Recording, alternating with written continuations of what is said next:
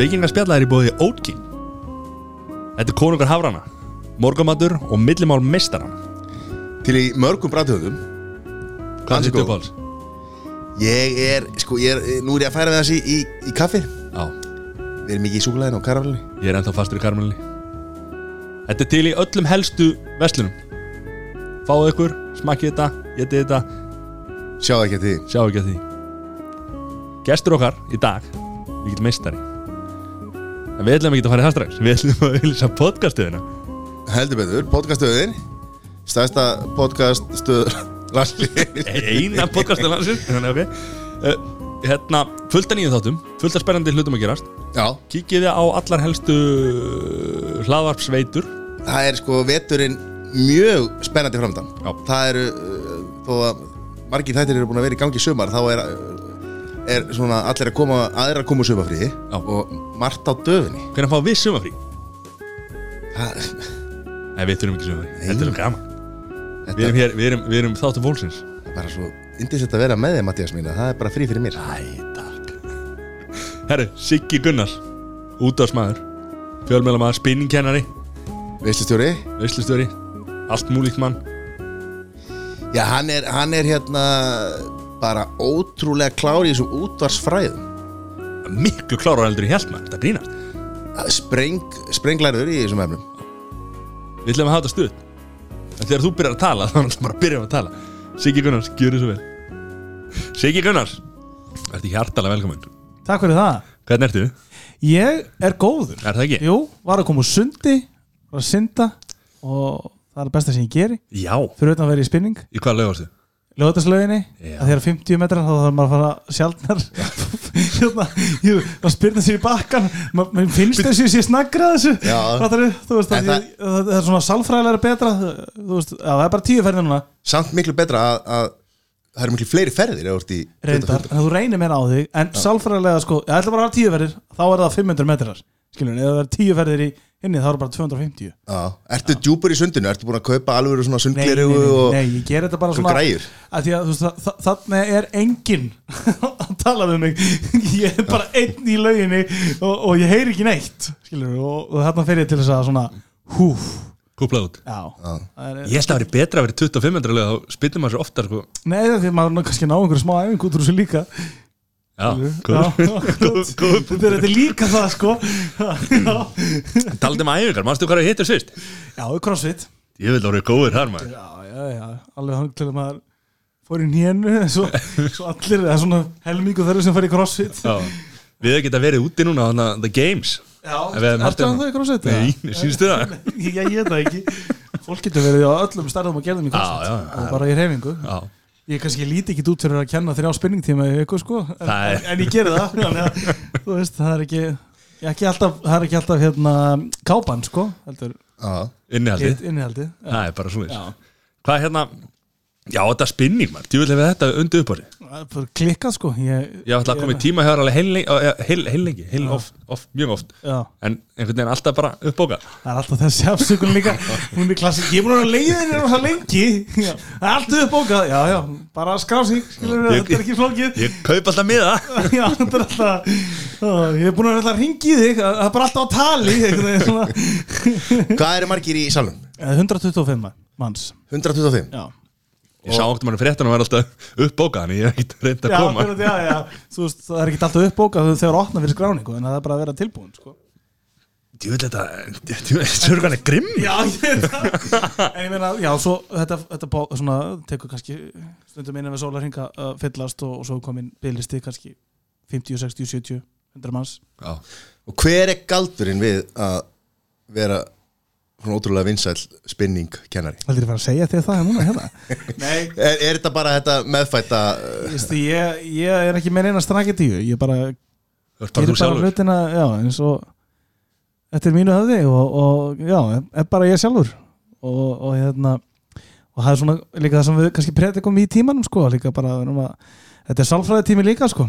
Þú veist, við erum með alls konar svona andlegar uppbyggingar líka sko að hérna, þú veist, það er allir frábærir og hafa allir sína styrkleika og þannig að menn eru að rækta bæði líka má sál sko Það er ekki Það ekki drepið okkur undirbókur aðeins og mæti ég tíma fyrir þetta akkurat. þáttina sko. Ég er þetta ekkert verið núna í sumar sko. Ég fer alltaf í pása á sömurinn Já, ég er búin að vera að mæta alltaf í sumar sko. Já, já, já, akkurat, já Búin Ég er að mæta alltaf 17.35 og það bara engir í sælum Séð þið bara aldrei Já, akkurat Þannig að já, en þú veist, bara mæta að vera maður sjálfur og hafa gaman og ég hef mjög gaman að þessu sjálfur og ég held að smiti út frá sér og, og hérna Þetta byrjaði það ekki þannig að þú varst með eitthvað tíma fyrir eitthvað málefni var eitthvað að styrkja, Mm. styrkja gott málefni það var semst þjálfara minn þá eh, og vinkonu mín í dag kannski ekki mjög gott að vera mjög góði vinnur og, og þjálfara líka því að þú veist það var þetta bara eitthvað og maður fóð mér snikkars, já, já, já. Ég get ekki skammað fyrir snikkars við erum vinnir en hérna hún Hafdís uh, Björg, hún er frábær, frábær þjálfari og, og, og náttúrulega margfaldur í fitness Íslandsmeistari í fitness. Já, leiðum hann að snikkast það hlýtur Nei, að ég er að grínast, hún er ekki þetta, Ég fatt að hún leik hvað þetta hljómar þjálfara Hún er ekki að leiða mér að borða sníkas og, og hérna, hún tekur mér stundum í þjálfun En þá, það er ekki það Það hljómar rosa illa. Hún er frábær. Allavega, hérna, hún kemur út í þetta. Hún segir, hérna, ef við ekki gera svona styrtaspinning tíma fyrir maðurastisnefnd Og ég bara, jú, jú, gera það og Æfi pekka prógram og græja það og, og það hefnaði svona vel Þannig að mér var bóðið að vera einu sinni viku í Reebok Fitness Í 30 manna sal hérna í Urðakornunu ég var með það í einn vetur og svo ekslast þannig að ég bara heyri í dísu í vörglas hei, vantaði spurningkennara já, já, já ég skal leið vera að pröfa hérna á mánudum og miðvíkudagskvöldum klukkan átta. Það er alveg sko dauðasti tími efer fyrir, fyrir hóptíma í, í líkarsættastöð og hérna ég byrjaði á mánudags miðvíkudagskvöldum klukkan átta haustu 2017 og hérna svo var þetta bara þannig að, að hérna fyrst komið þú veist 20 svo 30 svo fór þessu svona 60 já, það er- það flott maður. Svo var þetta svona að slá upp í 100 á, og svo bara allt í einu einn dag svona, ég, ég var búin að vera svona tæpan mánu það bara pff, alltaf fullt og alltaf 100 manns á bylista og þannig hefur þetta bara verið í tvö ár bara alltaf í botni og ekki seint- neitt meira svona seint að mándum og miðutum Já, alltaf, já, mánuð sem ég, og sko, ég, semst, núna er ég 3. og 5. 17.35, síði degis og alltaf með miðugutaskvöldin ennþá í nýjum átta og það er alltaf vinslæsti tíminn ennþá það, það, það er einhver svona sérstök stemming það er einhver svona, það, sem ég kalla þetta kvöldið þú veist að það sé bara hluti af einhverju kvöldið þú veist að það kemur hann inn og bara ferði inn í einhverja aðra veröld, hlýðaveruleika og það er svolítið svo stemming á, á miðugutaskvöldum sko. Og sérðu, er þetta alltaf sama fólkið? Er þetta svona Nei, þú veist, það er kjarni Já, en svo er fullt af nýjum andlitum alveg hverjum einasta tíma og ég tek alltaf svona stöðuna hver er að koma áður? og eitthvað svona og ég er með grúpu sem telur tæplega þúsund manns, svona spinning grúpu það sem að, þannig ég segi svona það er svona 900 til 1000 manna kjarni sem að þú veist, kemur x oft yfir veturinn og svo er þetta fullt af auka af, afliðum, en þetta er alveg komið á. Þetta er svona kringum 900 til 1000 manns sem að eru bara kjarnin Hvern- spinning kjarnin hvernig er kynjaskiptingin í, í spinning? Þetta eru meira litur konur sko. Já, við, Mattias, við höfum farið í spinning tíma. Já, já, sjálfsögðu. Og hérna, já, það en, en Þetta er alltaf, þetta er, það er alltaf veist, það er rosa mikið að svona uh, köllum sem koma stundum sko. Það er alveg svona, þetta er vinsalt hjá köllum sko. Horfðu beint á okkur, takk. Já, nei, þú veist, einhverjum svona 45 pluss köllum sko. Já, og mér finnst það æðislegt. Og mér er svo gaman að sjá að það eru sömur sem að sko hafa einhvern veginn slýsast inn í þetta hjá mér. Og, og þú veist, þá, ég ætla ekki að sleppa mér hérna, ég ætla ég ætla ekki að hérna, syngja með ABBA eða eitthvað. Svo bara eru farin að syngja með ABBA og bara ú, og koma aftur og aftur og aftur og aftur sko. það er mjög skemmtilegt sko. Líka sem þarf að vera skemmtileg. Já, já, það er ekkert, það er allir sem fíla þessa tíma. Maður er alveg sé suma sem hafa bara komið einu sinni og bara svona, svona, svona harðir spinning svona harðir hjólagarpar sko þetta er kannski full mikið fíblulæti fyrir þá. En finnst þér einhver aukning með, nú hefur hafa hjólreðar aukist Já, já. á undan árum? Sér einhvern svona stígand þá líka í spinning svona almennt? Nei, já, því að þú- fólki sem kemur til mín mjög stór hluti þegar segir sko ég hef aldrei nefnt að vera spinning tíma, aldrei nefnt að hjóla svo komið til þín og núna er ég hótt þannig að þú það er meira fólk sem er bara að koma í spinning til mín heldur en hjóla professional fólki er meira í þessum CBC tímum uh, Coach by Color tímum sem eru svona aðeins alvarlegri. Það ertu bara að mæta á hjóla og vinna á tíma og þú veist, svoleiði sko.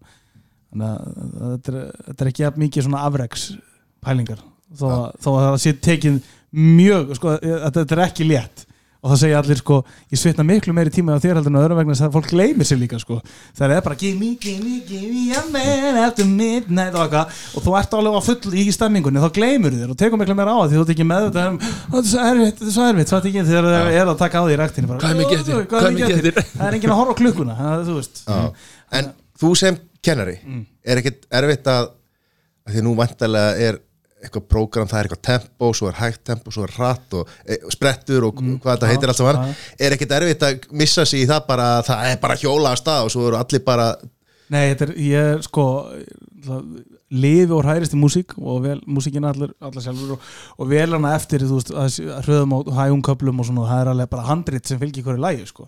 Þannig að þú notar tónlistina til að stjórna tempónu Já, og ég er bara fara í marga hjólatíma þar sem að bara setja einhver músík á og svo bara eitthvað gert en það er allt gert í takt til lögin þannig að þannig virkar þetta, skilur veist, það er hraði kaplar, þá fyrir við hratt á hjólinu og við erum kannski upp við að hjóla og þá erum við í takt við lægið og Já. gera arbeigur og reyfingar og, og svona, þannig að þetta snýst allt byrjar og endar allt á músíkinni ég sé Þessi svolítið hlustundu sjá ekki núna er það koma allar reyfingarna með þessu sko. ég, ég tala rosalega mikið með það Þetta að sjá mig þegar ég, eða það getur svo sem séð mig þegar ég er í loftinu að myndalega stúdíónu en það er allt í öndunum sko, alveg.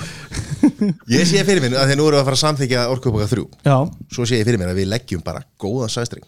Já. raforku sæstring já. Og keirum rafmagn í gegnum hann með, hérna, Góð orka. með, með orkun úr hjólunum á- frá tímunum, getum við gerðið með það? Gamla góða hamstra hérna, Mm. hjólun. Erum að fara að tala um orkupakka þrjú Já, hérna? Ég er bara, ég bara, Matti, ertu með það á móti? Gler þetta? Já, veit ég ekki. En hérna, nú er gæsa hérna, Þú ert að lendi í svona gæsa að lendi, þú ert að taka þátt í einhverju gæsunum Já, ég hef stundu verið beðin um að taka gæsahópa að mér í, í spinning sko, og hérna, það hefur verið mjög gaman. Það er Já. alltaf gaman að taka þátt í, í hérna, þessum mikla gleði degi sko. Það er mjög skemmtilegt Ég þá leiður einhver svona lít minni salur og fyrir hópin eða? Já, já, og hérna, það er mjög gaman sko. og, Það er fárálega gott að taka þig Sæður þegar við stekjum þig maður Í spinning maður. Þú er ekki gert mikið meira en, þann ég dag meina, en sko, svo er alveg þannig að, að þetta er náttúrulega, þú veist þetta er svona kannski gæsin er það sem er meira um reglusemi heldur en hitt sem er að koma til mín fatið, þið, sko, það er, er það er, fer ekkit andilega, þú veist, það er að lega svona dælega ópalskot eða gæjulskot, en þú veist, fer ekkit mikið vel saman að hafa byrjað í gæjulskotunum strax klukkan 6 um morgunin og vera fara svo í spinning klukkan 3, en þetta er meira svona það það er kannski bara að byrja þarna og svo fara í spa og svona, þetta er svona, þetta er rólið og stækjulendar sem komið til mín, ekki að sem þetta ég hef ekki fengið, ég hef ekki fengið stekkjunum þá Reynda geggja sko. Já. Það er fyrsta ástin Hjá mér? Já. Já, vá. Er er verið að tala um útarfið hérna sko. Já, okkur, ég, ætla að vera svona hraðaspurning Bara Fyrst ástin En það er í mér Á sérst að segja hvað komið til já. Útvarp. Já, er það? Já, það er fyrsta ástin Og stærsta ástin Ég nefnilega að vera að Hingað ljúga sig, var ekki söndilandi Það er miklu setna Það er miklu setna Fyrsta ástin er útvarp. Ég er bara mann ennþá þegar ég fell var ástfangin útvarpi Hvernig varst það ástfangin útarfi? ég, uh, þegar einu sinni var uh, hérna rúf með mjög öfluga starfstöð að hverjir bæna sem ég holst upp í. Og þar var sendur út okkur um einasta degi þátturinn Hvíti Máar með gesti Einar Jónssoni og gestur Einar var nágrannu minn og ég var mjög hændur á honum, hann er frábær maður. Og ég fekk að koma stundum og sjá hann í stúdíónu og þegar ég sá hann að mann með þetta minnstilegsta útvarsáttana sinns var alltaf 12.45 eftir hátegisvettar á 2 til 2 og 1 klukkutíma og korter það er geggja, það var besta slott í heim við dreymir um, ég, þetta er bara, við dreymir um þetta slott ykkur tíman, þú veist, bara því hún aðeins eldri og svona, að ég bara að rokka inn korter í 1 út 2, spila bara gestadiska eins og hann gerði og svo fara hann að taka á móti kveðjum og faxi, allavega. Og bara því ég sá hann hana í, í stúdíónu að tala við alla þjóðina gegnum mikrofón og hækka í sleðanum á mixernum þá bara var ég ástangin útvarpið og það var ekki aftur snúðið ég, ég var ekki mér finnst þetta stór skemmtilegt. Mm. að því að venjulega þá, sko, eins og ég sé á þessum tíma, sko, þá var fyrirmyndi manns þú veist Old Dirty Bastard í, Wu-Tang Clan og, og veist, David Beckham og, Já, og, svona, og svona já. það var ekki bara Buttercup að það Nei, þetta- ég er nú- ég er aðeins eftir þú. þetta er 94.5 sem þetta er að gerast hjá mér. Já, og, og, og þú ert með gest. Já, gesturinn já, og, og hvað, var að segja bara Bogi og, Gissur Já, Bói Ágússon, Bói, sko, Bói er bara hetjan mín og var hetjan mín þegar ég var krakki. Ekki Gissur? ég, Nei, ekki eins sko. Að Bói var náttúrulega bara í sjónvarsettunum og ég var alltaf, ég var með stúdíó heima sem ég gerði.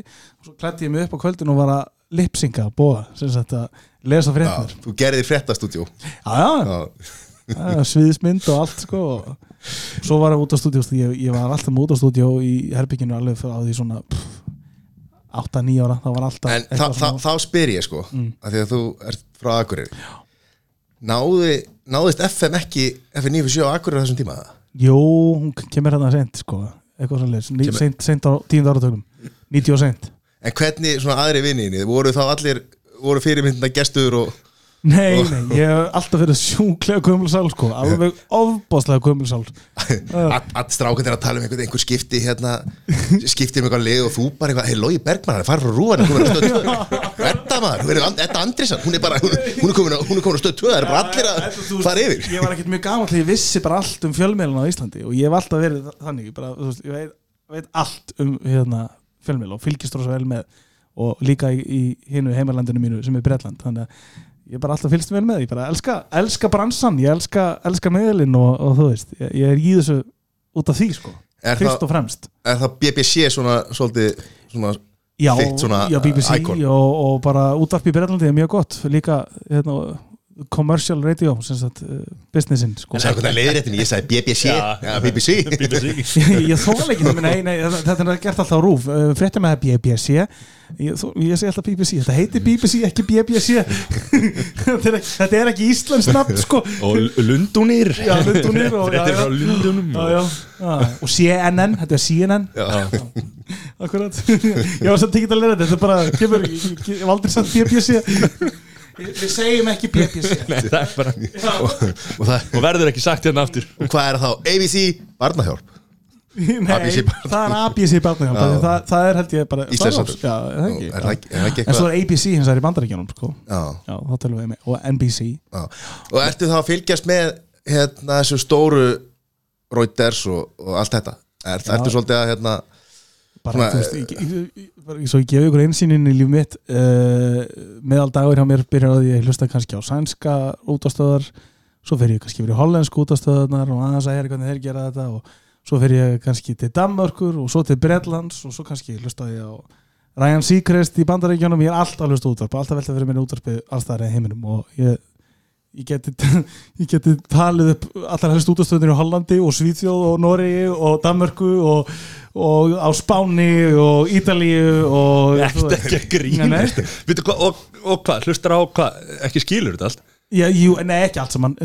En ég er líka bara að pæla í hljóðheiminum og er að gera þetta svona? Er hérna, stefin svona, ok ég er að taka svona skiptingar, er að gera þetta svona? Hérna setja fréttindar, ég er horfa á klukkutnar hvernig þeir setja upp klukkutímana sína, hvað er talaðir hvað setja þeir hérna, vinsalustu lögin sín? Þetta er, þetta er, svo margir haldið sem við, við mætum bara í útvarpinu og, og hérna, setjum fætur upp á borð og spilum svo bara eitthvað iTunes en það er ekki svo leiðis, það er allt formulerað í drast sko og ég er bara að skoða hvernig aðrir eru að formulera þetta og hérna, skoða listina en ég skil sænsku og ég, eftir því ég hlusta svona mikið á hollenskt útvarp þá er svona aðeins komið meira þar.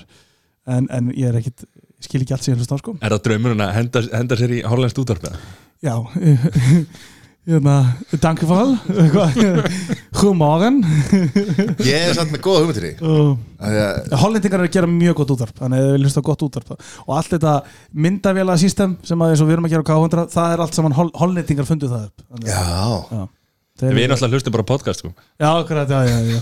sem er sem sagt og svo verður, fyrir ekki, ég verð bara að fá að segja það því að það er alltaf að segja, útvarpið dött og já, ok, já, ég hlusta bara á podcast. Já, sko podcast er útvarp, bara ekki betni útsendingu, ég held að sko það er gullöld hljóð og það er gullöld útvarps í ögnabíkinu og podcast er ekki annað heldur en bara önnur útgáfa af útvarpi, sko.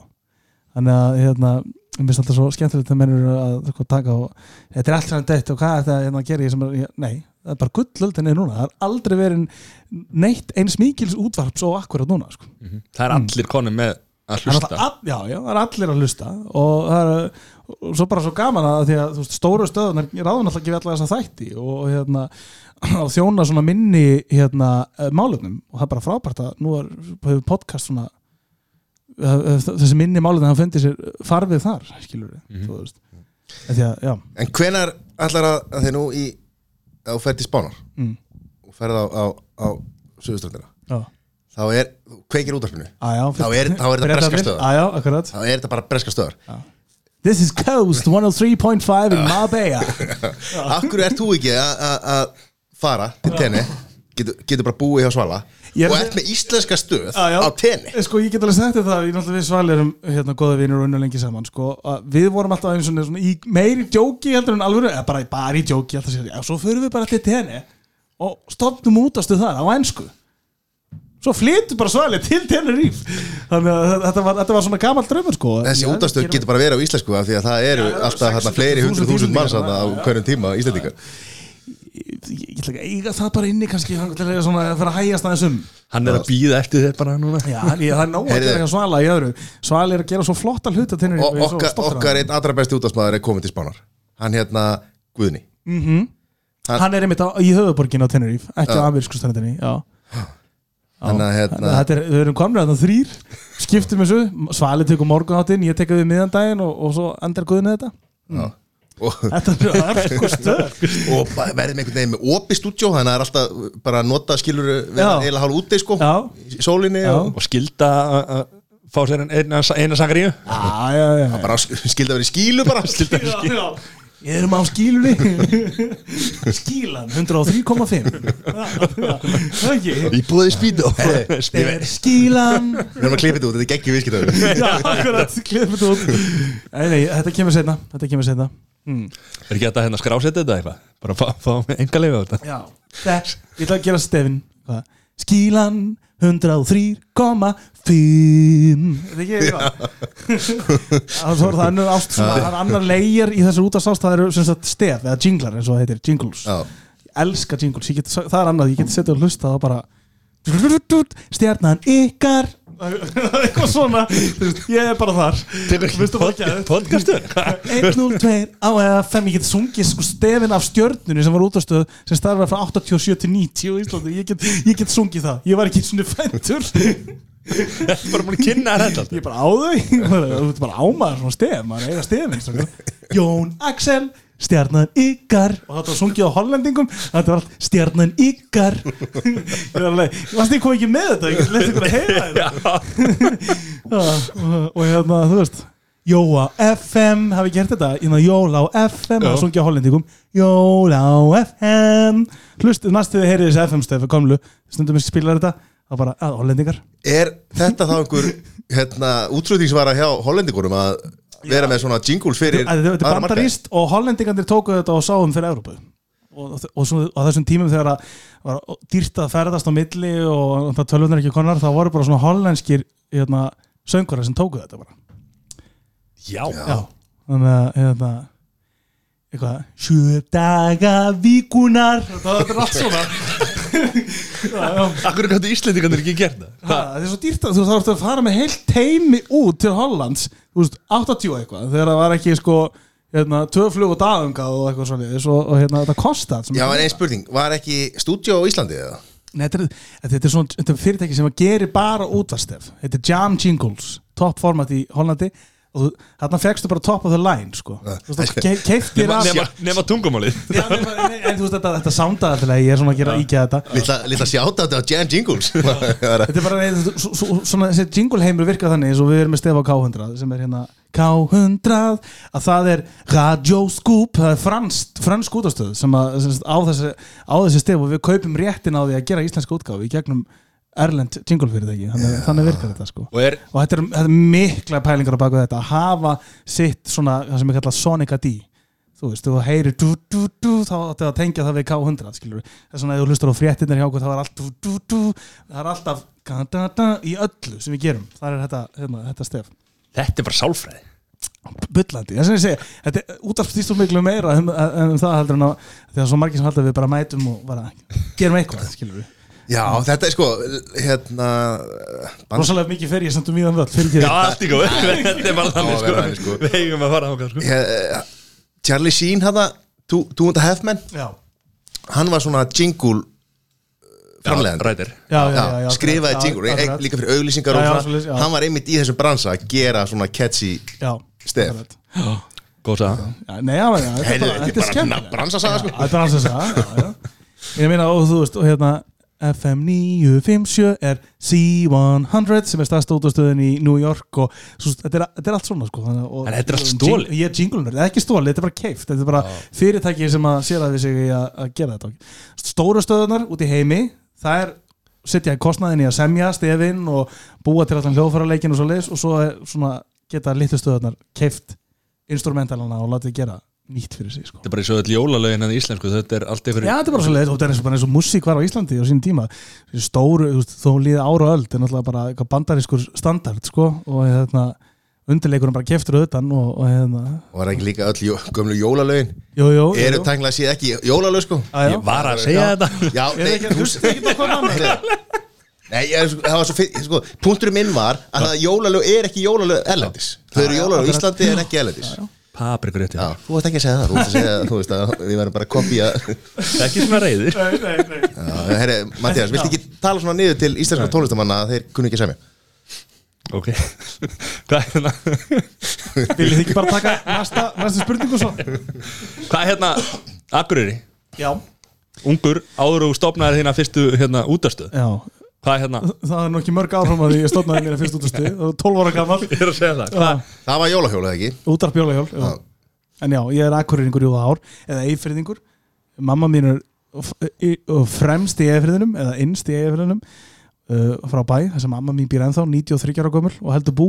Já. Grjótörð uh, þannig að það er sko In, in, in, Ist Nei. innst, innst, já, við kvöldum alltaf fram í fyrir því við erum svo skrítin að það verið norðan. Semst síðst í eifriðinum svo er ég frá Akureyri, elst upp þar og svo bjóð ég líka í Hísei, pappi minn og sveitastöru þar og ég var með þá uh, hús þar. Þannig að þetta er alveg sko það er innst í eifriðinum, miðjan Akureyri og ist þar sem Hísei er sko. Já. þannig að er bara, ég er eifriðingur jú það var, elska þetta svæði.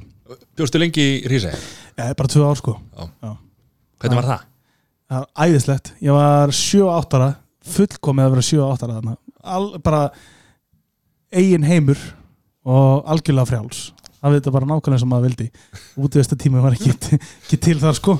Já, þannig að það var æðislegt. Þú ferður nú eitthvað annað núna? Þe- eins og já, já, ég, ég þarna. fer þetta mjög reglulega sko og hérna, mamma, pappi og hús og ég er mikið þarna. Fer hann til að núlstilla mig svona. Já, Það er alltaf næst ekkit útvarpanna jú, jú, það jú, jú, þetta er ekki já, já, þetta er bara 15 mínna sigling sko frá, frá landi. Þeir eru ennþá með kana út af mig Það er það, gamla með Sagan segir að FM sé á leiðinni við erum að baka þetta með stút fulla míla músík sko. K100 næst já.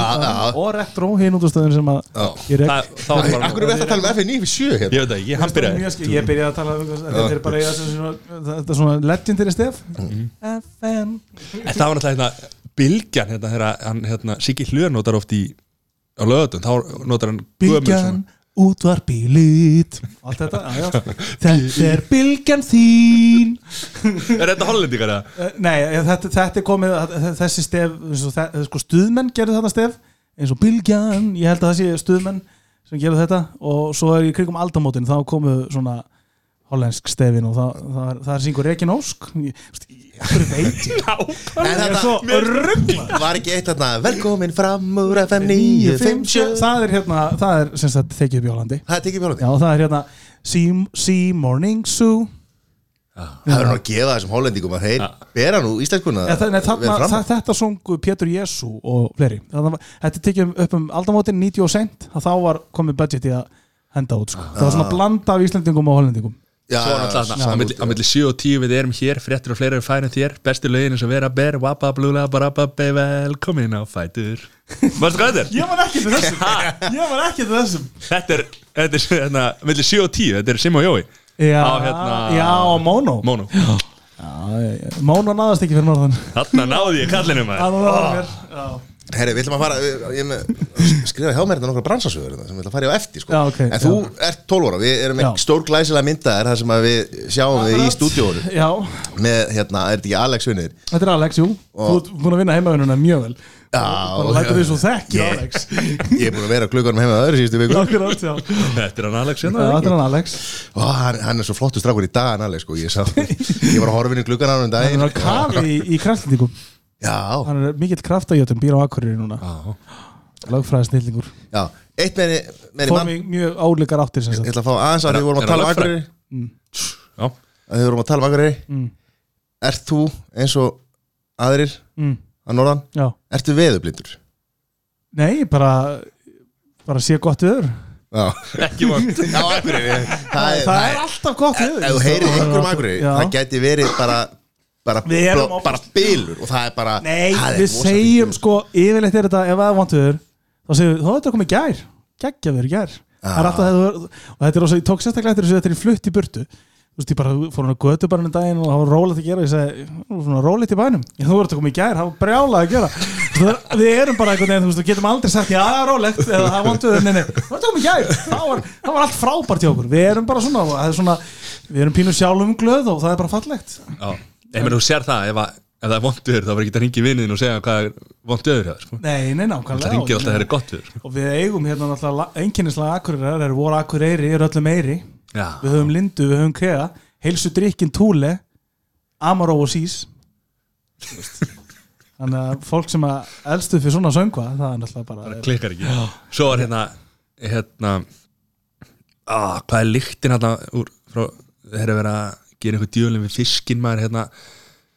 Það er einhver ógislega lykt sem kemur yfir bæinn hérna já, peningaliktin nákvæmlega. Þetta, Þetta- þetta er kölluð peningalykt, þetta, já, sko. þetta var þegar það var semst verið að bræða loðnu Já, í krossanissi það er búið alveg núna, nú er komið eitthvað aflþinnu ver frá Bekromal eitthvað svona ítalst Amma náttúrulega býr hérna bara hliðin á sko. Já, já, og þetta þá var alltaf ógislega lykt þessi lykt búin Þetta er peningalykt já, peningaliktin.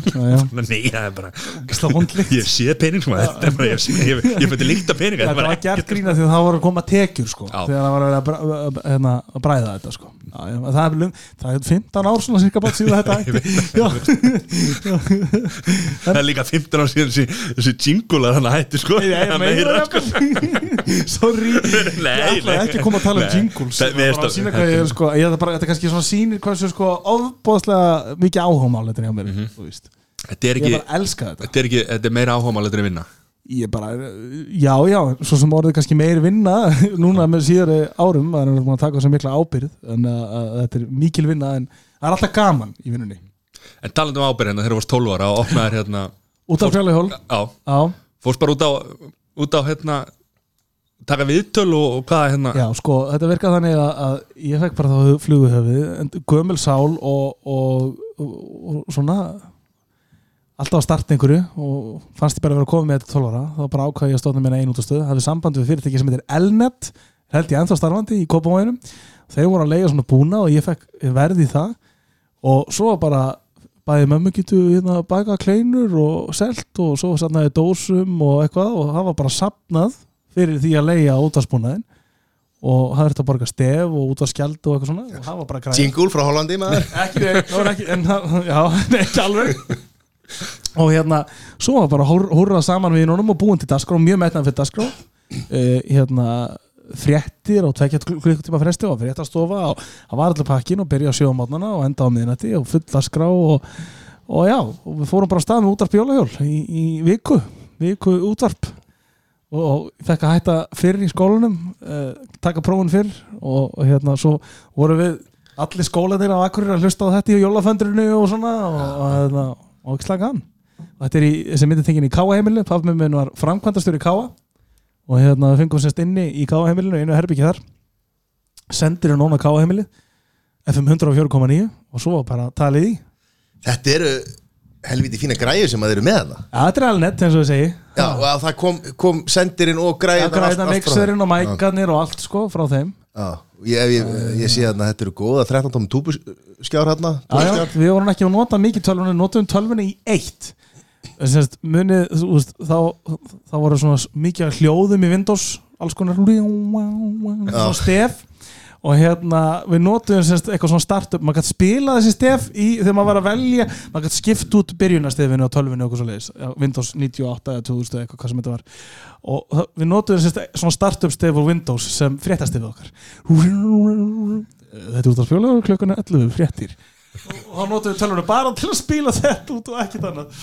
En nú, svo er þetta bara alltaf gestaldiskum og kassettum og eitthvað. Já, þetta er að spila af geðsaldiskum og kassetum. Já, það voru, það voru semst gestaldiskar og svo voru búin að taka upp stefin á kassettur fyrirfram. Og svo var bara hérna, ef ég nenni.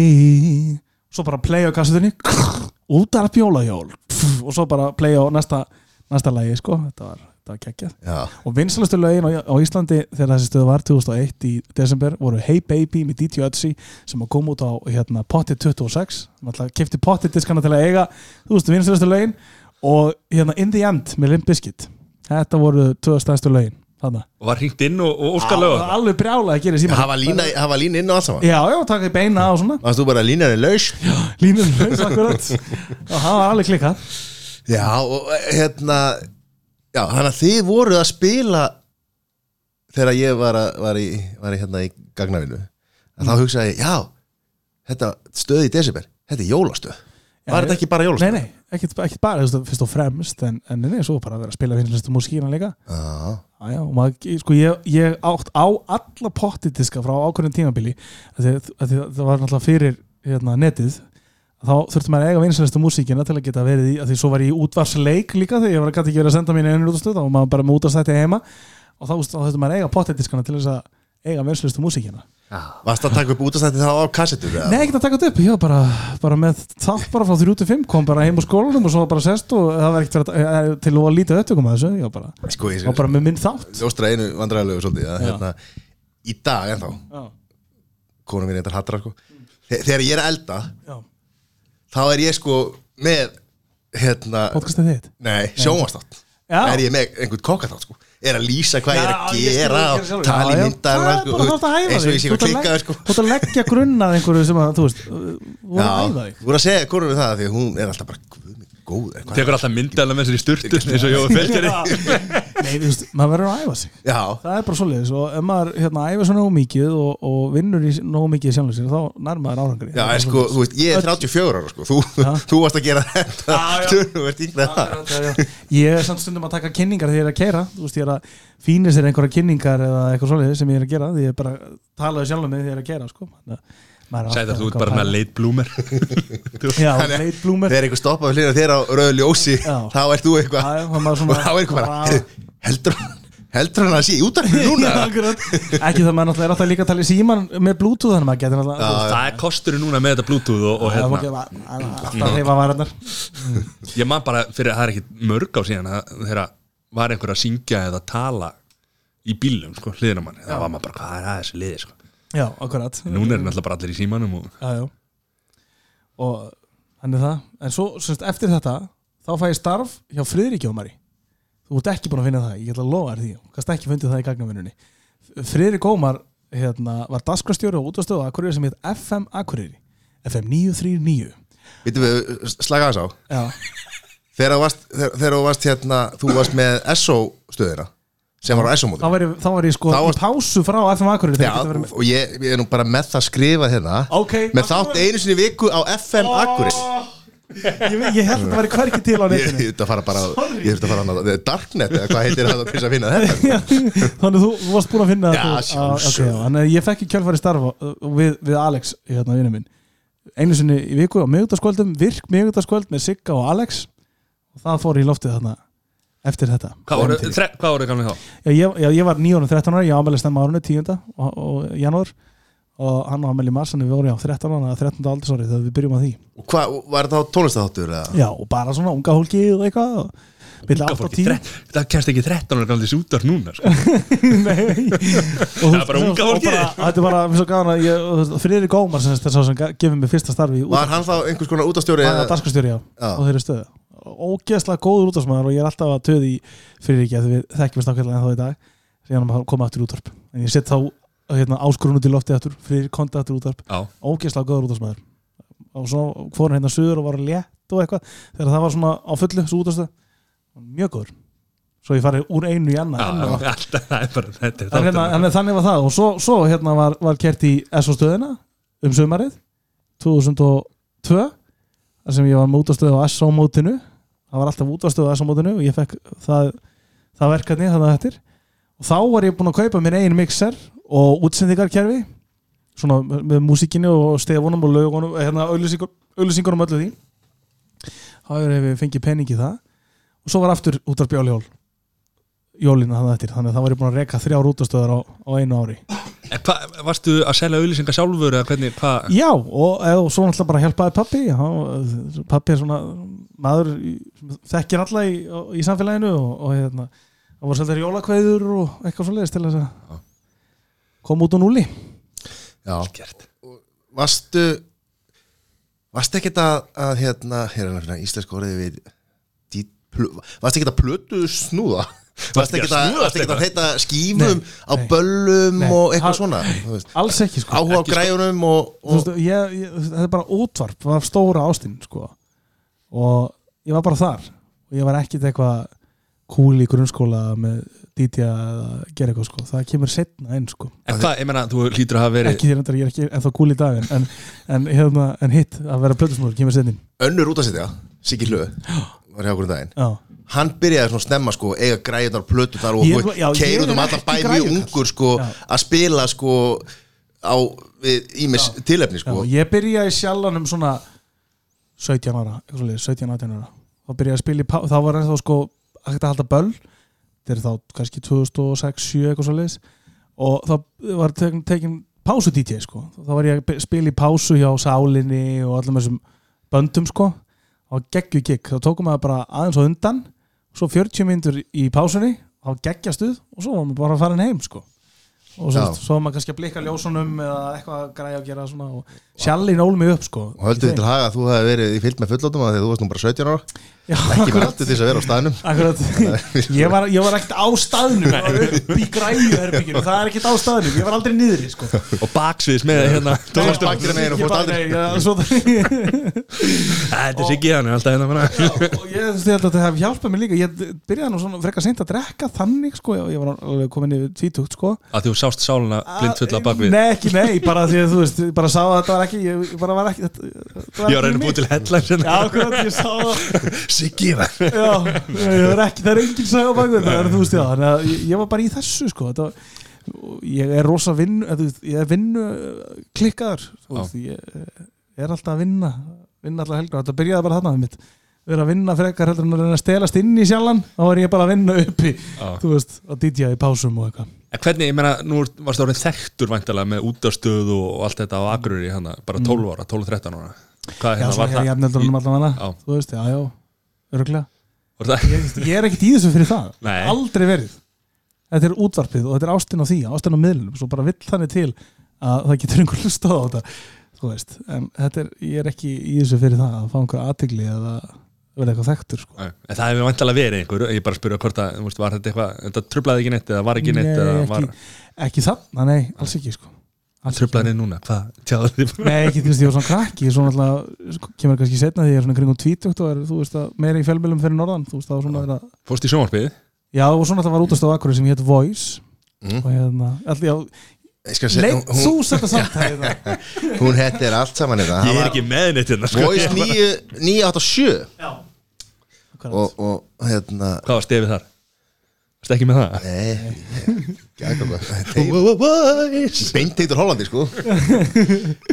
Og, og varst með þætti Já, á já. enninum Já, uh, en fjórum. Nei, já, en einum.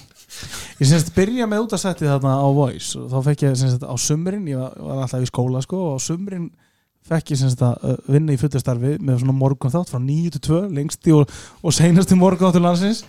Og það var það eitthvað klikk í gangi sko það var, það var gerðing til hlustunumæling það var bara í- í 40% akureyringar hlustuðu þáttinn og, og, og tæplega einhverstaðan vilja 60-70 á, í markóttum okkar hlustuðu á, á þennan þátt þannig að það var svona mörg eir og akureyrir að hlusta og hérna, það var gaman og upp á því fer ég svo á einn fjóra í sjónvarpið sko.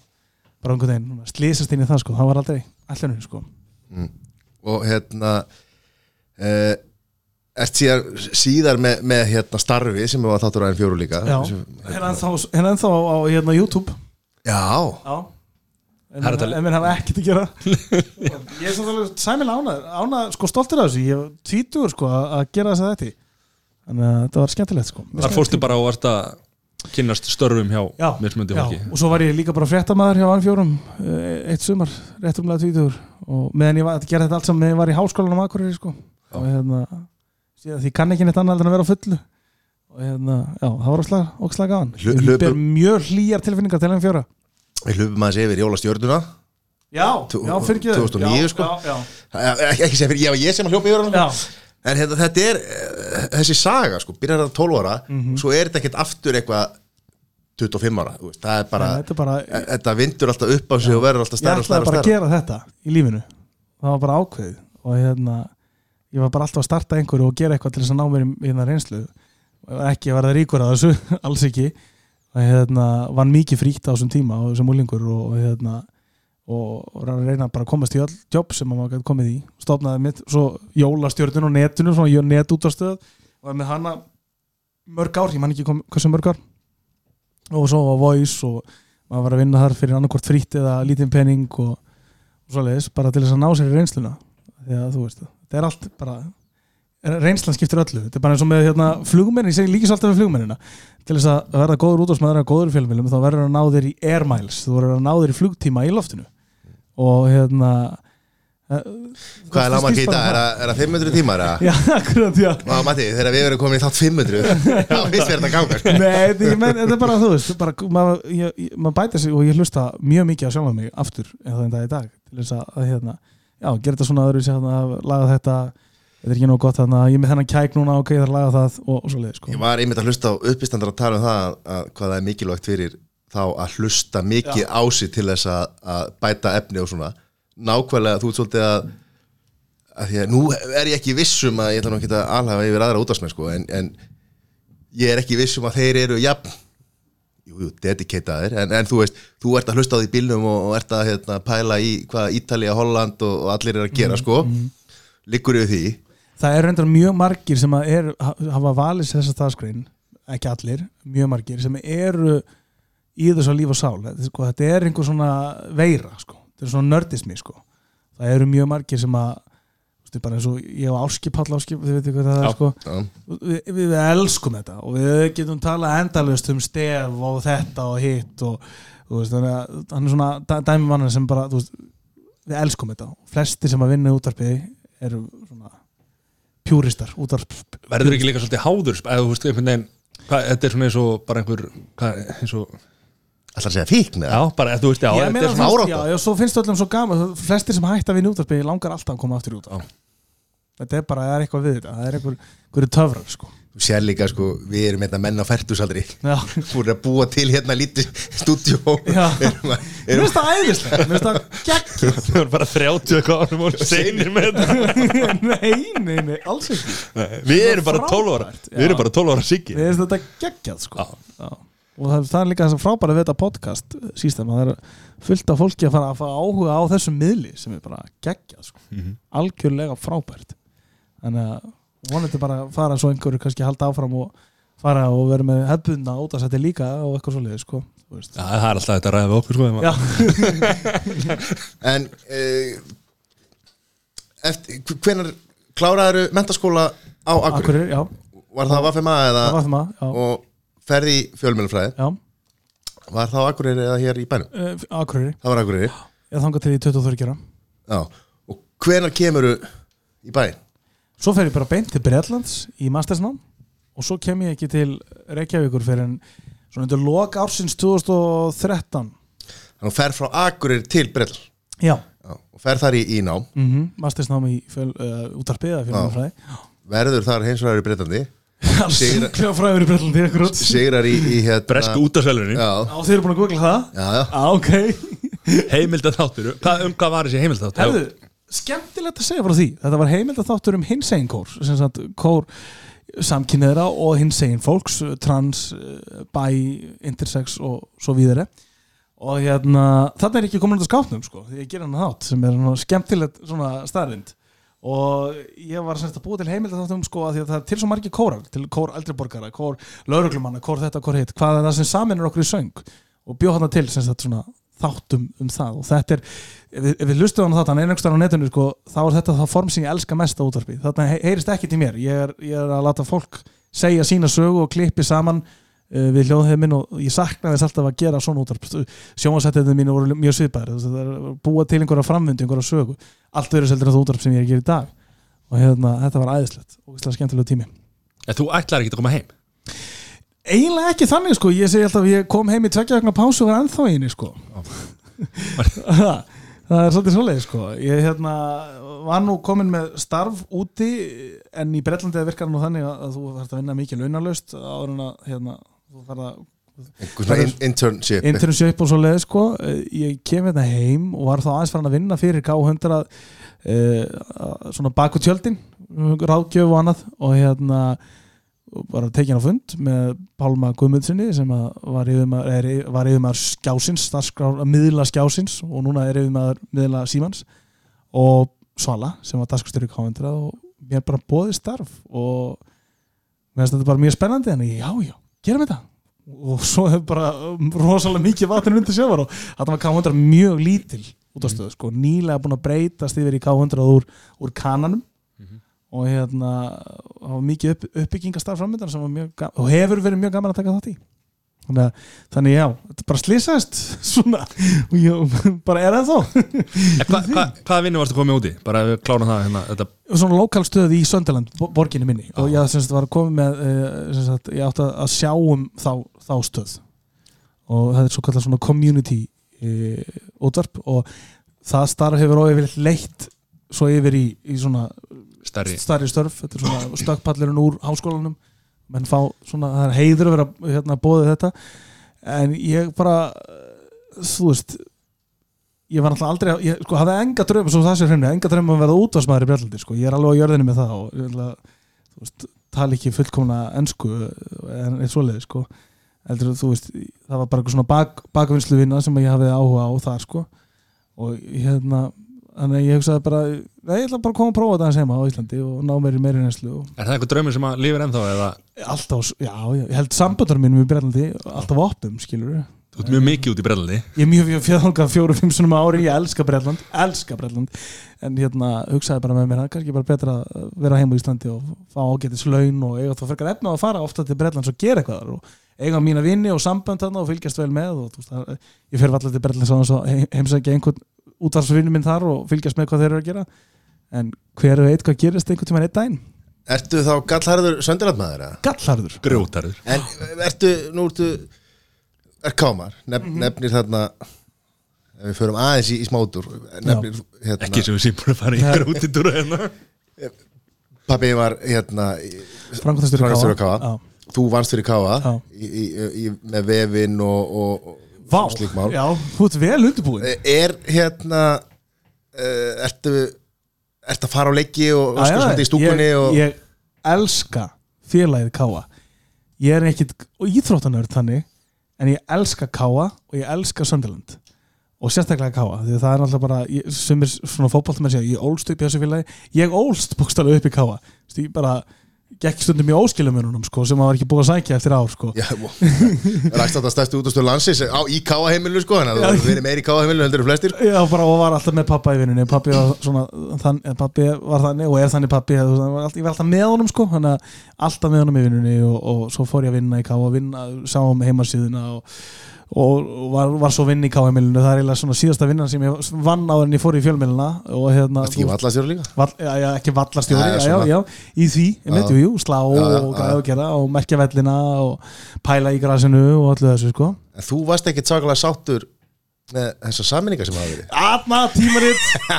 Til við mig, já, akkurat, já, já, nei, nei ég er pjúristi, ég er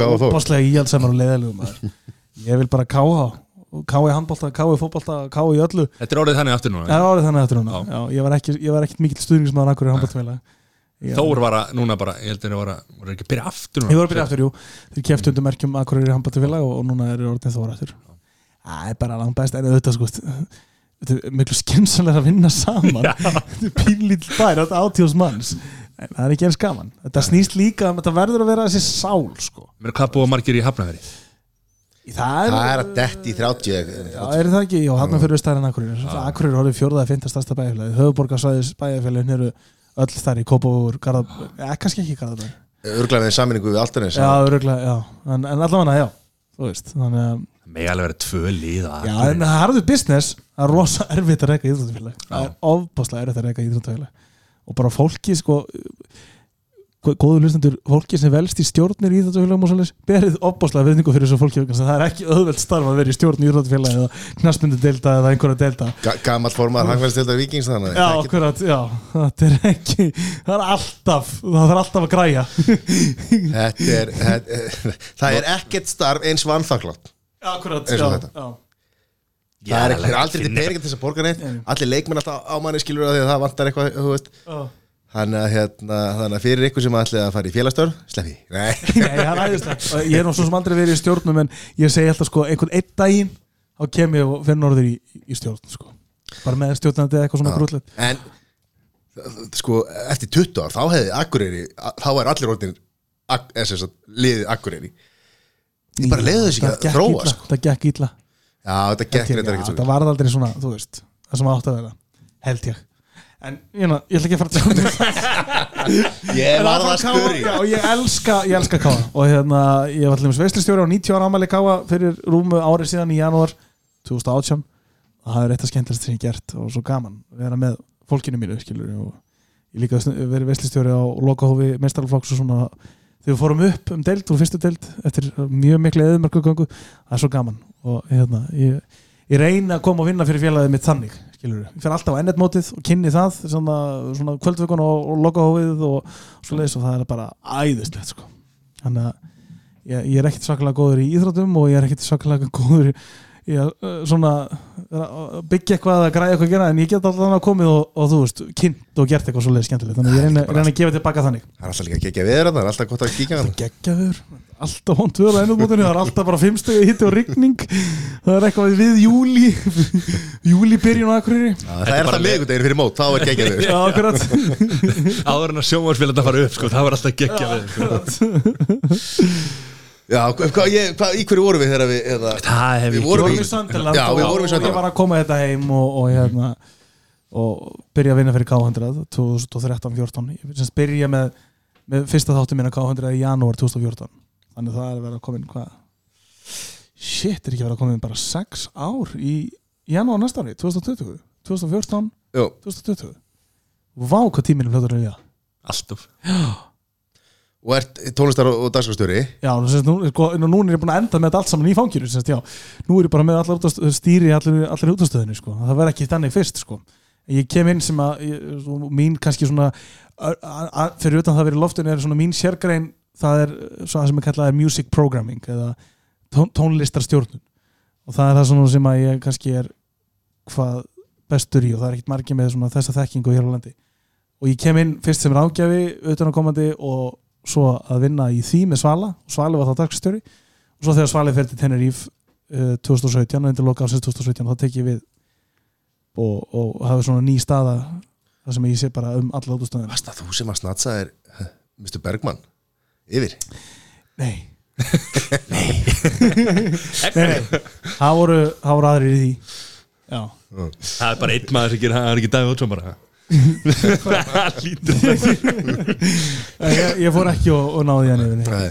En hvað, hérna, þeir eru búin að vera að hlusta á hérna, allar þessar geggju hérna Vespa já, já. veit ekki alveg hvort það heyrist í yfirtöku en ekki allar hérna, þú búin að hlusta á allar hérna útastöðar bara, þau tökum bara daginn þér, það bara byrjar að hlusta á allar útastöður í Þannig að heiminum. ég er bara á mótana og þú veist það er kannski maður setur einhverju góð útastöð á. Ef ég hlusta yfir reyna alltaf að heyra morgunháttin alltaf eitthvað aðeins á honum Hvað, vaknar það sjö?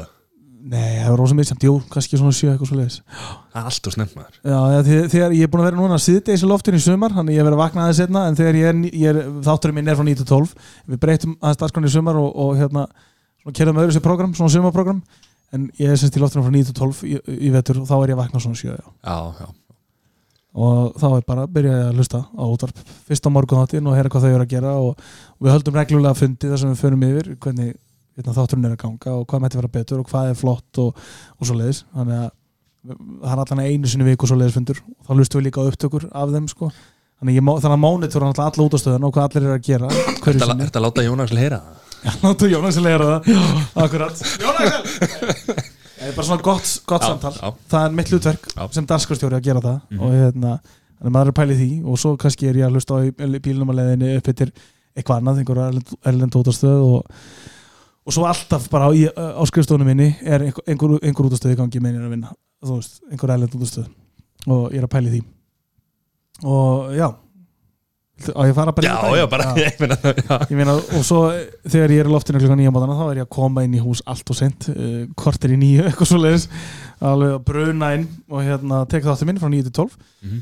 sem ég er þá búin að undirbúa kvöldi, kvöldi áður og aðeins um morgunin svo er þetta bara brjálu vinna upp úr 12 uh, að sinna öllum þeim fjölbreytti verkefnum sem koma að því að, að hérna, reyka svona útastöðu hvort sem það er að, að prógramera playlistina eða fara yfir upptökum með útastólki og fynda með þeim eða er skipulegja þetta markasæðferðir eða eitthvað svo leis Já, er þetta nýju fimmina? Alls svona Alls á, á yfirborðinu, Já, já, þetta er nýja fimmina sko. Já. já, þetta, er, þetta er ekki nýja fimmina Þetta er bara lífstíl að vera með svona í handunum sko. Og fylgjast með strömmum í tónlistinni. Já, já, Hvað hérna, er að gerast það er það? bara basically alltaf í vinnunni. En þú veist, ég elska það, veist, það er alltaf líður ekki svo dagur. Og svo er maður heima að lokka sig inn í útsendingakerfið og fara hérna yfir, já, þetta er lægi ok, svona, og, og græðu að gera sko að, Hvernig er, því að nú eru þið með myndavélar. Já, Eh, Er ekki, væri stundum ekki til í að bara geta mætt? Mm. Verið bara svolítið bara í fílu á milli laga Það er alltaf myndavélar það er, það er ekki fíla millilega ég mæti bara, ég segi alltaf sko þetta er safe svona mitt, útvarp. Það er sama hvað gengur á í lífinu, ég vil alltaf mæta klukka nýju eða tvö eða whatever eitthvað nýri loftinu og taka útvarpsætti mín, að þá er ég bara í mínum heimi. Þá er ég bara útvarpsheiminum og þú veist, maður hefur mætt í loftið eftir að, að fengi fregnin af andláti vinar. Uh, maður er farið í loftið eða að gengur eitthvað, eitthvað að ég fyrir bara í loftið og það er bara svæðið mitt. Já, því ég, ég, ég, ég er búin að leika mér í þessu sem bann þetta er bara, þú veist, þetta er bara bara- mitt safe zone. kemur bara 12 ára siggi hana og já, bara, veist, já, bara þannig að ég, og ég er aldrei, það er ekkert fíla milli laga. Maður bara fer inn, það er bara high energy í þrjá klukkutíma, gera þáttinn svo, hérna, dílum maður hérna, En aðri starfsmenn, þú veist Þú þarft að Þú veist Nei, þú, þú, og svo erum við bara við sjálf, Þú þetta er veit ekki bara- verið að bóra í nefi. nei, þú veist ég man aldrei eftir þessu myndtælum, sko, þetta er bara þarna. Og hérna, og þú veist og þetta er bara raunveruleika sjálf hver er það sem að sko, hvernig eru tæknir í kringum þetta og tækni menn, af því að það er að vera að svitsa Mm. það er ekki myndavélum ein, og ein manneskja sem að vinnur við myndtælum hver skip, skiptir um mynda? þetta er s- kerfi, hannað á hollendingum sem að ver- er sjálfvirt. Bara það sá sem er allt að tala, það er bara tengt við mikrofónuna. Bara ströymur Já. í þessa myndavél og þá er hún í bara ef, gangi. að- ef hann skinjar að það er að koma háaði í þennan mæk þá er bara skipta þessa vel sem er á þennan mæk og svo framvegis. Og þegar við setjum ítum á play í tölvunni og útsendingakerfinu þá annarkvort tekur minn, uh, kerfið upp myndband við, við lægið eða setur einhver svona slætur á. En þetta, Þetta kemur ekki er ein, einasta svona- mannsönd nált þessu. Já. en núna ef að Mattias kemi í, í þá mm -hmm. hann er alltaf að grípa fram í. Hvað ætla myndavélin að gera þá? það er 5-10 sekundar buffer.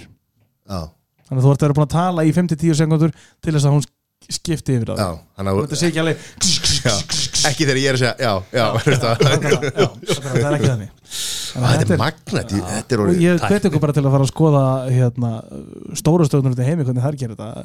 Radio 538 Radio 538.nl qmusic.nl eh, eh, 3fm.nl það er sem sagt 3fm.nl þetta eru stærstu stöðunir í Hollandi og það er reyn unun að sjá hvað þeir eru búin að ná langt í þessu er þeir allir með Allt mynda automatist, all, allir með myndaðalar og þaðan kemur þessu, þessi, þessi útastöð Radio 538 það er myndband við hvert einasta lag, þetta er bara tónlistar þetta er bara MTV með útvarsmönnum í sko. en, en er algjörlega útvarstöð Já. þannig að þa- þaðan erum við að fá þessar, þessar hugmyndir sko. Já, við erum einmitt að fá kerfið okkar frá, til landsins og, við, og við, við, erum, við erum bara rétt við, það, það, við erum bara í fasa eitt með þetta, þessar videopælingar okkar sko. þú veist, það er bara bara búið að vera mikið að gera síðan að við fengum þetta en við erum, er meira inni þar, alveg klálega sko. ég og Sæþór fórum til Hollands hérna og vorum að kynna okkur þetta já, við fórum í Amsterdam og komumst bara ekkert út úr hérna. Já, já, já, Rauðakerfið, við vorum bara fastir þar einhvern veginn þannig að þetta var svona smá Já, heyrðu, Matti, við, fyrir einhver golfferð og eitthvað til Spánar og eitthvað til þess að slaka á.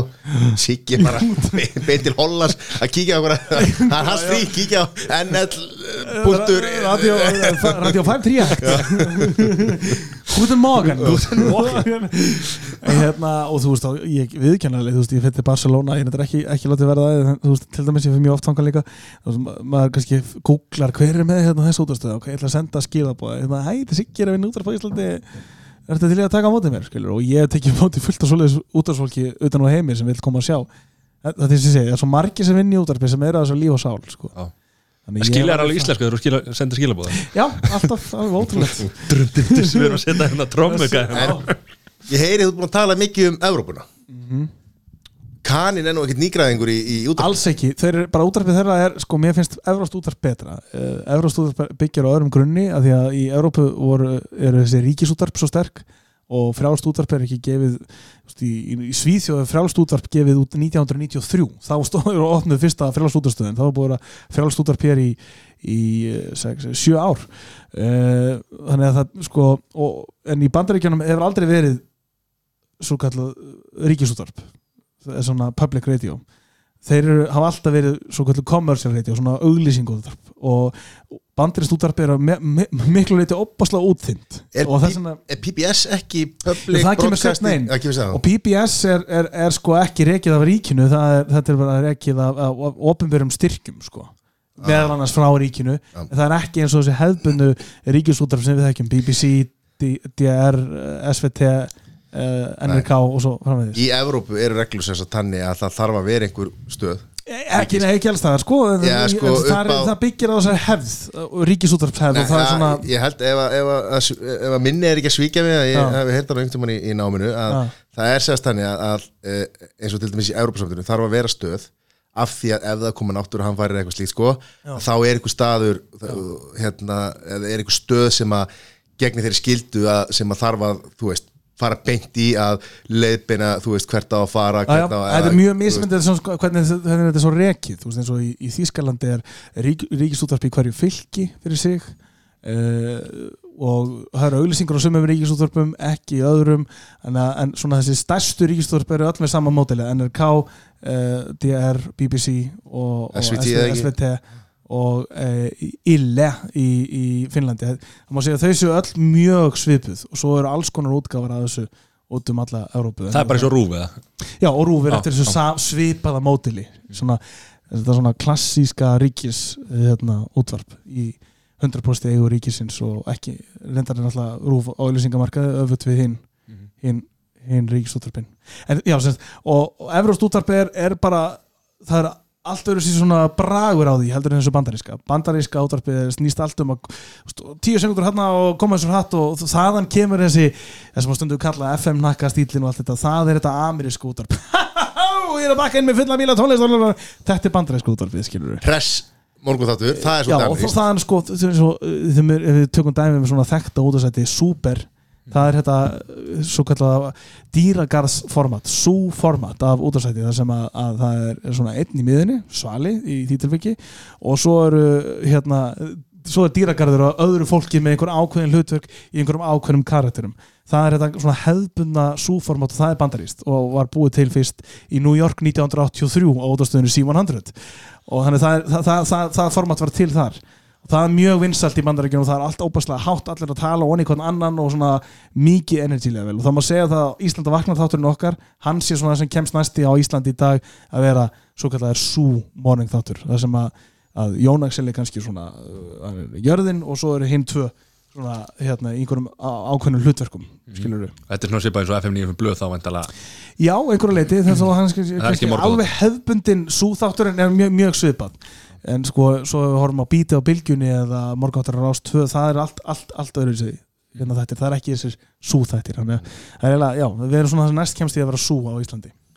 Já, bandaríkjumenn mikið verið með hérna, mikið að fylgjast með trafíkinu og það er þyrla og það er verið Það er þyrlan og... og þú veist og það er hérna, hérna Ellen the News Girl og hérna John the Weatherman og hérna Intern Joe og það heitir allir með svona nöfn og allir með sinn karakter og koma með eitthvað ákveð á borðinu og þú veist, stærstu og vinsalustu súþættinir í bandaríkjunum er annars er Ryan Seacrest uh, Honor with Ryan Seacrest sem að gleyma því margir að þessi stóra stjarnar er fyrst og fremst útastmaður og hefur verið í útvarpi alveg frá hann úrlingur og hann er í Hollywood á Kiss FM og svo er þættinu dreift út um allan, allan heim. Hann var nú eins og hérna á kanonum með þessi uh, sálega og uh, svo Elvis Duran í New York. Þetta eru svona þessi tveir veist, Elvis Duran er búin að vera síðan 96 með morgunháttir sinn í, í New York á svona útastöð sem er það sem heitir CSR Top 40 svona úlingastöð Já, sem eru hann er búin að, og hann er búin að vera með sama fólki með sér sama hópin, þú veist, öll þessi ár skilur og Þetta er- og þættir sem að verða síðan syndicated og eru þá spilaður um öll bandaríkin já, já, á alls konar mörgum og, og hérna þannig að tekur kannski pínulítið sálina því að þú veist þessi þáttir voru New York þáttur og þetta var Hollywood þáttur skilur en núna er þetta svona orðið meira generist sko. En hérna, já, það er þetta súformat eins og segi Það er svo mikla pælingar á bakgröndu sem maður áttar sig ekki En nema- þetta er bara, veist, já, það er svo- þetta er bara þegar maður setja saman út af það, þá er þetta bara eins og setja saman bíómynd hérna, þú, þú, þú, þú, bara, ert að kasta eins og eða sem sagt velja hlutverk í, í þættinum. Ég skil ekkert í Mattias, hann er alltaf að segja út af sem er bóra bara í nefi og svo spilir lögir í síma sinn Spotify. Við verðum bara svona dæmi með svona morgunáttinni okkar veist, við erum hérna með þrjá ólíka karaktera. Við erum með Kristínu Sif sem að er svona fulltrú ungu kynslunar og kemur hérna inn í þáttin svona til þess að vera vikt við til dæmis Jón Axel og, og Áskipál sem eru svona eldri og, og við búum til einhverja dýnamík þar og eitthvað samtal veist, og, og hérna er bara eins og búið til sitcom þetta er bara eins. Það er engin tilvílun að þessu saman með þáttu það er engin tilvílun að ég, ég er gera það sem ég er að gera. Þetta er, þetta er allt eftir einhverjum ákveðnum pælingum Akkur töluðum við ekki við sigga ára við byrjum með þetta? Við hefum verið hvori fengið að vera hérna með, með mækin sko. Já, herri, nei, þetta var aldrei eftir að virka. En það sem að Siggi veit ekki að þetta er svolítið þetta líka því að það staða dagsastjóra podcastuðin er laus sko. Já, ok, halló. Fjárhástaðan kannski ekki alveg jafnsterk svo já, komendra, en við erum að vinna í þessu. Kækjað En þú komst inn á hana uh, heimildathátturinn sem þú gerir hérna var um hérna sett kóra, Hinsegin Kór, já, í, í Newcastle á. Englandi. Og þetta er árið þú komst út úr skamnum Hvað, hérna, hvenær komst þú út úr skamnum? Ég kem út úr skápnum snemma árs 2014 þá er ég svona lendur í lífinu veist, komin í íbúðir Reykjavík og komin í starfi sem ég var búin að vinna að eitthvað neginn og það er, já, nú þarf að fara að díla við þetta kilur, þá bara Varstu hreinur búin að- þessi varstu búin að vita þessu áður, Já, eða veist já, hvernig- já, já, aldrei verið í vafa. Mhm. aldrei sko. Uh, En af hverju komst það ekki fyrir út? Bara uh, ég þorðið ekki Mhm. bara innri fordómar og, og hérna hræðsla og ofhugsun um að, að maður get ekki orðið það sem maður er að vinna við í dag eh, og samfélag myndi hafna manni og, og lífið er búið bara, bara þannig sko og ég er náttúrulega eh, er allstu bakurir sem er svona lítill bær í norðri uh, og og íhald samur á mörguleiti ég er mjög íhald samur eins og einið káa og kea og ekki saman það, það er bara svona bragurinn skilur og hérna og mikið kæftað í bænum. Og ég er náttúrulega verið þarna svona 18 ára, 19 ára frekar þekktur svona með minna jafnaldra í alltaf í útvarpinu og, og svona og spila allt einhvern veginn saman sko, bara ítti mann einhvern veginn lengra einn sko. Svo testaði maður þetta aðeins út í Berlandi svona sagði einhverjum frá þessu og svona og þá fann maður svona snefil af frelsinu sem að fylgja þessu. Og svo var þetta bara símtal í februar 2014 þar sem að e, mamma dróði þetta á mér. Hágrátandi á lögutarsmotni, maður þetta já, það, íbúðinu mín á framnesvegi. Já. þannig að ég, ég, ég elska, elska þetta hús á framnesi ég hef keirað framhjá og ég býð ekki að það lengur svona, er já. þannig að já, það er semst ekki þá meira heldur en fimm ár síðan að ég kem út úr skátum Og móðin, taldi hún sig hafa að vita þetta lengi eða? Já, já, mam- mömmunar vita allt. En Það er nú pappi, bara svoleiðis. en pappi var, öðruvísi, en, en hann hérna, jú, jú, þannig að það var búin að ræða þetta örugglega alveg bóttið og ég- þau tóku mér alveg afskaplega vel og já, mjög góðu sambandi við fóröldri mína. Þannig að hérna, En er þetta ekki minna aldrei vandamál. Nei.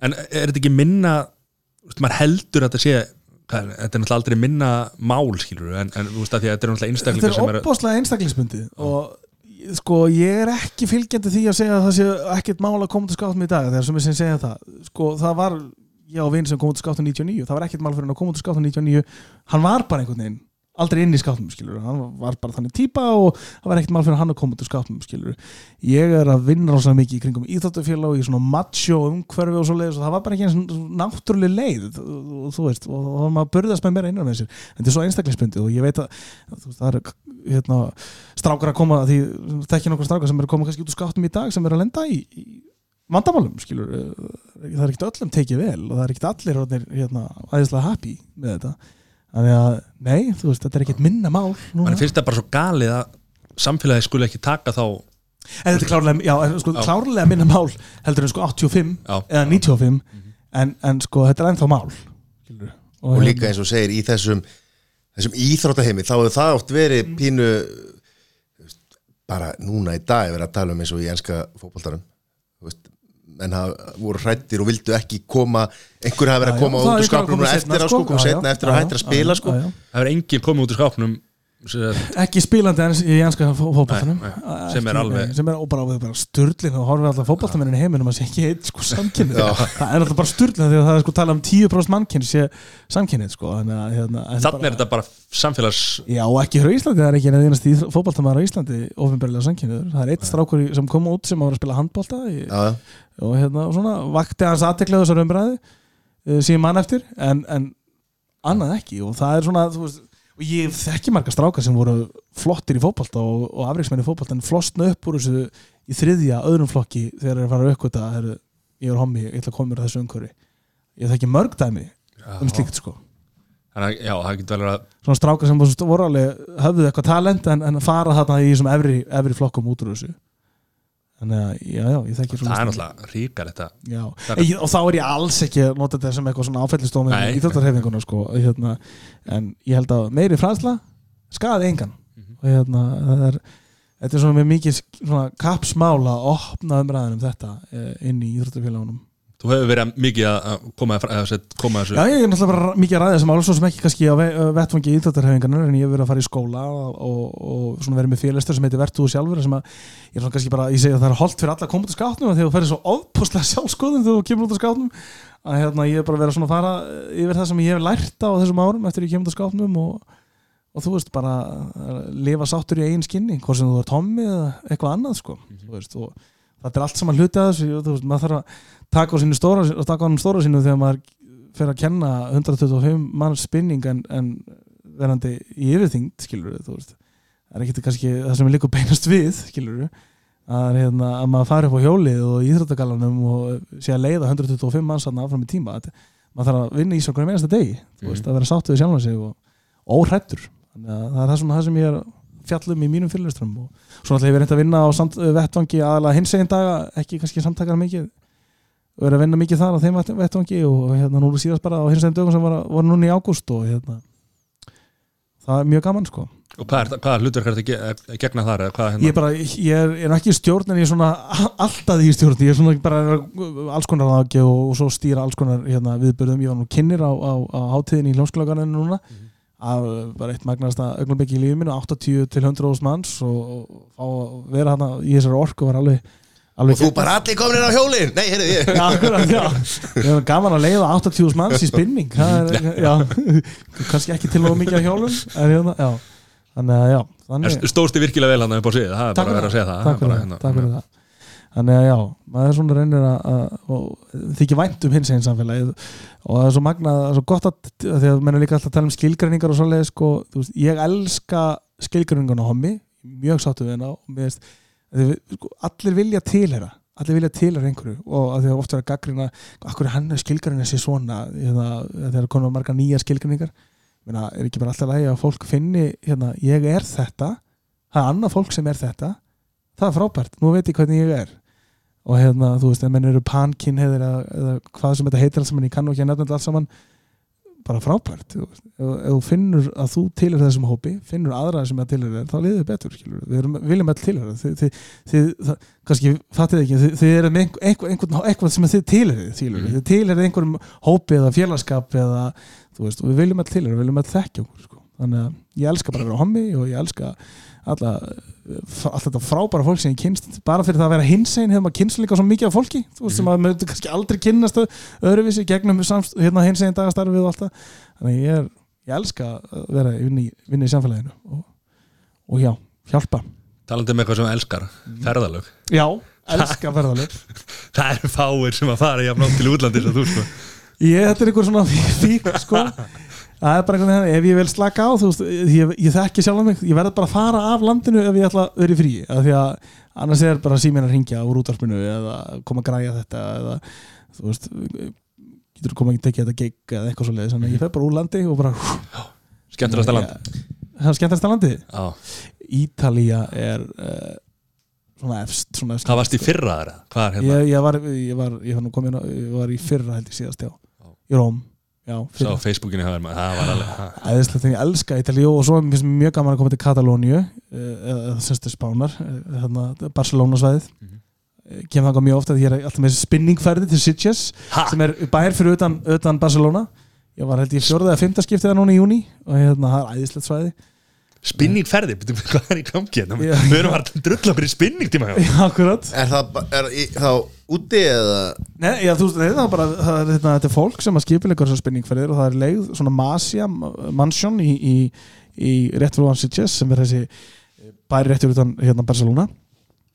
Og já svo Er- bara tekja á því er- spinning er, og er, djama er og, hjólinn sko úti, í- bara í Nei, sólinn bara í rækt Það er ekki já. Það er ekki svo er löng Þú ert ekki spinna úti í 30 pluss það er bara döði sko. Allir með sólsting það er ekki hægt, já Þannig að, já, þetta, og það er Íslendingar að fara í þessa ferðir sko. það er skemmtilegt sko. og Hvað er Sitges langa ferð? æðislega, æðislega bæir ha, Hvað er þetta langa ferði? þetta er vika Já Já, tvisar þrísar viku spinning og svo er einhver aðra æfingar og svoleið sko. æðislegt En þú nefndir uh, Þú elskar, elskar Bretland. Elskan alltaf, Breitland, ég, það er ekkit ferðalega þá er ég bara að fara heim, ég segi það bara það er hitt heimalandi mitt, sko. Ég líti að það verið breskur í fyrralífi sko. En nú er Nú er- hef ég líka komið nokkuð oft Alltaf var að tala, sko, þú fórst talaði áður um orkupakkan og nú ætlar að fara að tala um Brexit. En ég, Nei, ég, ég að stjórnmál og fylgjast ég, með ég ætla bara að segja, sko, ég skila það að þú varst þar í námi og svona, sko. En það verður nú að segja mikið, sko, fyrir utan fótboltan þá er mat, maður, matur já. matur og, og Fordómar. sérstaklega í London. ekki. Er ekki nóg gott, sko? Nei, þetta er bara svo, þetta er bara þessi gamlu hérna, staðalmyndir að breytum það er vondur matur, ljóta tennur og, hérna, og vond veður bara- þú ert að koma í gæri, þetta var allt miklu betri í Það er gæri allt miklu betur gerð, miklu betur tennur gerð Nei, sko, það er æðislegt að ferast um Bretland og ég reyna að hafa þessi reglu að fara einu svona ára til Bretlands og leiða bíl og kera eitthvað um sveitinnar Suður Bretland er dásamlegt það er ofbáslega fallegt, það er gott þetta er bara við Ermasundið uh, Liverpool, æðislega borg Manchester, æðislega borg og hveti alltaf fólk til að fara til beggja borga eða, eða heldur með öðru hverju liðinu samt að skoða báða borginnar mikið líf, það var alltaf sá sko ángi á Bretlandi sem ég hef ekki komið til og ferðast um. Og ég bara, Bretland er vannmettnasta ferðamannaland bara í heimi. Sko, farðu bara til Breitlands, hættu þessu rugli og það er gott að bara þær sko dótti mín er, er, er búin til að rannsóknstofu í London.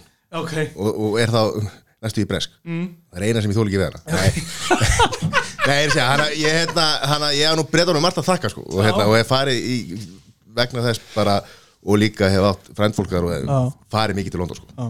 Það, mér finnst pínu og sko, Breitland er ekki London. Alveg eins og New York er ekki Bandaríkin.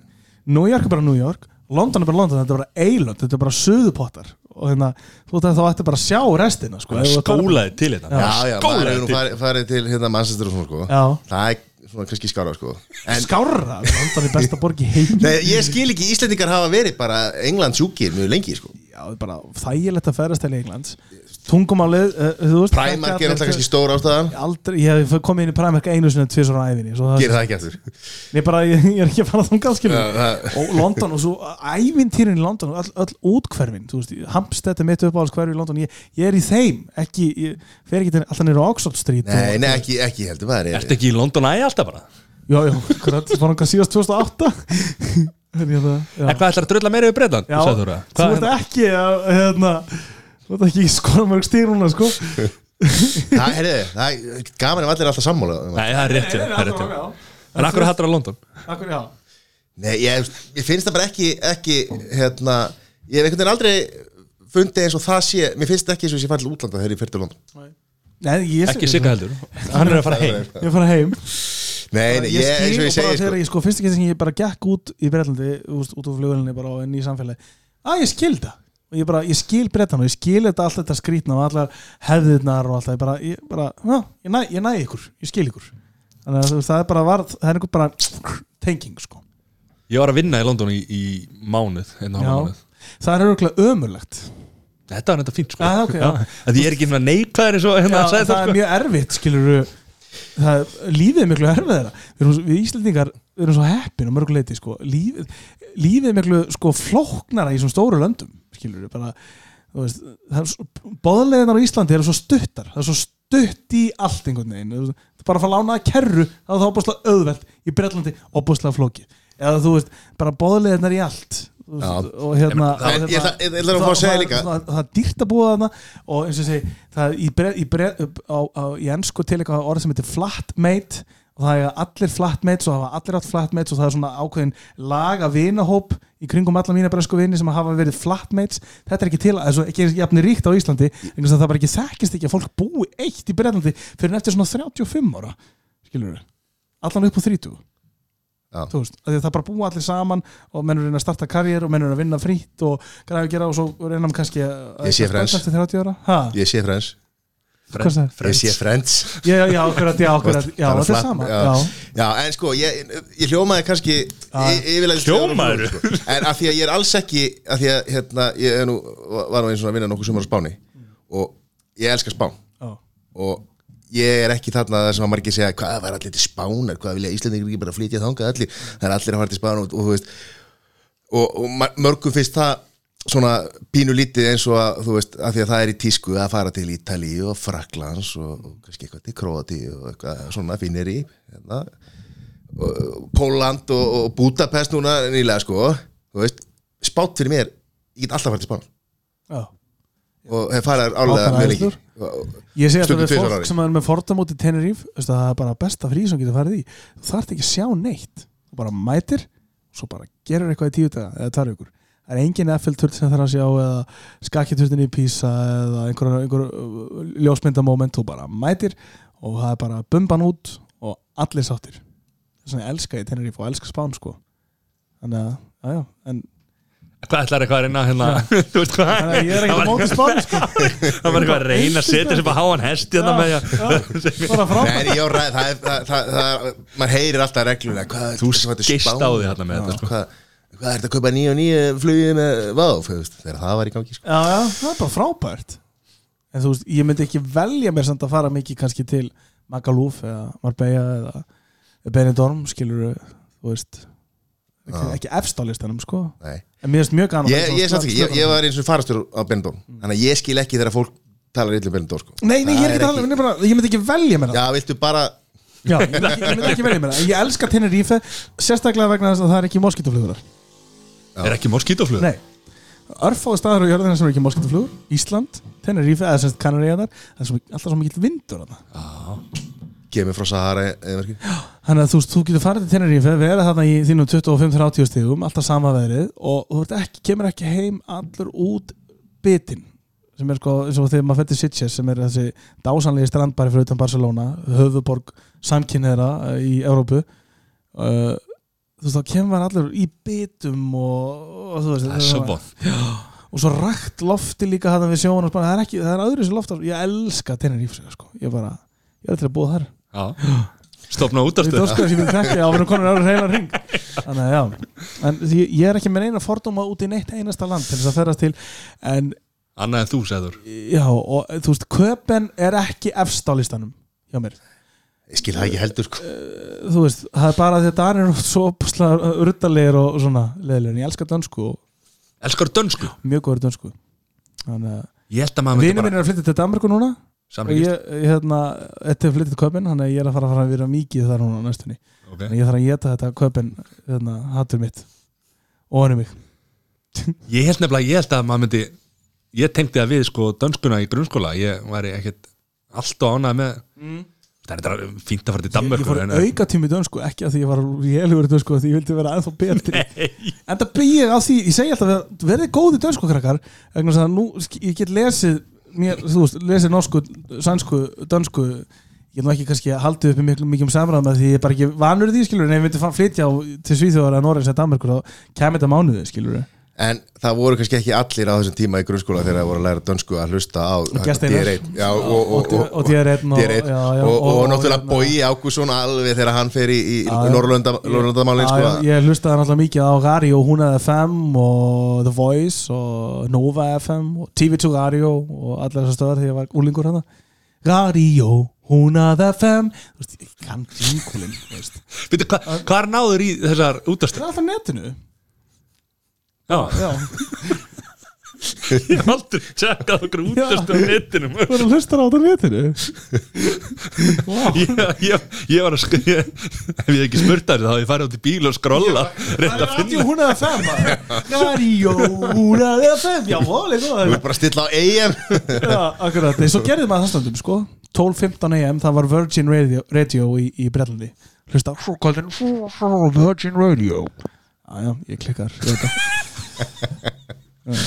Her, Já, herri, ég hérna verðum að, að þegar við erum að tala um bransan Já, Það er bransa sá Útars saga á Íslandi er mjög merkileg. Já, uh, þú vantarlega hefur stúdera þá þegar að, þegar að eh, til dæmis þegar radíusbræður er í útarpinu, þegar tvíhöfði er í útarpinu, þá verður einhver svolítið mikil breyting á, á útarpinu og svo eru þarna stöðar aðalstöðun og fleiri árum kann sem áttu hana sko. Já. og á þessum tíma þá var verið að fá menn þeir hafa allir líst þessu tvíhöfði og, og, og, og fleiri sko og hérna það var, það var verið að fá menn yfir og, og alls konar hræringar á útvarsmarkaði Er þetta eitthvað, þú vantarlega kynntir þessa sögu? Já, já, já, já. Svona, svona útvarsvorið hérna var tíundu áratugurinn alltaf verið að stopna nýjar og nýjar útastöðar og fara á hausinn og svo kemur Saga Communications eh, sem var í eigu Vestur Íslandings og kaupir FM og uh, Exið og, og fleiri hérna stöðar og það var þetta bara svona sem sko útibú frá bandarísku stóru fjölmjöleifyrirtæki og þá hérna, það, þá verður til svona það verður fyrst að skipta til svona formulerað íslenskt útvarp. Fram að svona 96 eitthvað svo leiðis hann að kannadin kom inn þá voru engi playlistar. Þá, eða neitt svo leiðis, þá varum við bara að koma og gera sitt. Svo breytist íslenskt útvarp þegar kannin kemur hann inn undir, undir lok tíunda áratugurins og þar koma fyrst þessi tölvukerfi og playlistarnir og þessi pælingar og þú veist við erum að passa hvað við erum að segjum og við erum að hérna, vinna á þessu í tíu sekundur og hérna, ekki vera lengur en eina mínútu á þessu og svo leiðis þannig að það verður mikla breytingar þarna og, já, og, mitt, og alls konar ræringar og svo leiðis þannig að þekki þetta allt saman nokkuð vel sko, Heyr, Sigur Kjartansson hefur sagt að að þegar þeir voru, þegar Kanadi voru yfir yfir þeim sko þá, að það var alltaf vesinn sko, þeir, töluðu allt og lengi og, og alltaf og að ko- þeir- einhver yfirmaður koma hann inn Já. og eitthvað og þeir gerðu aldrei það sem að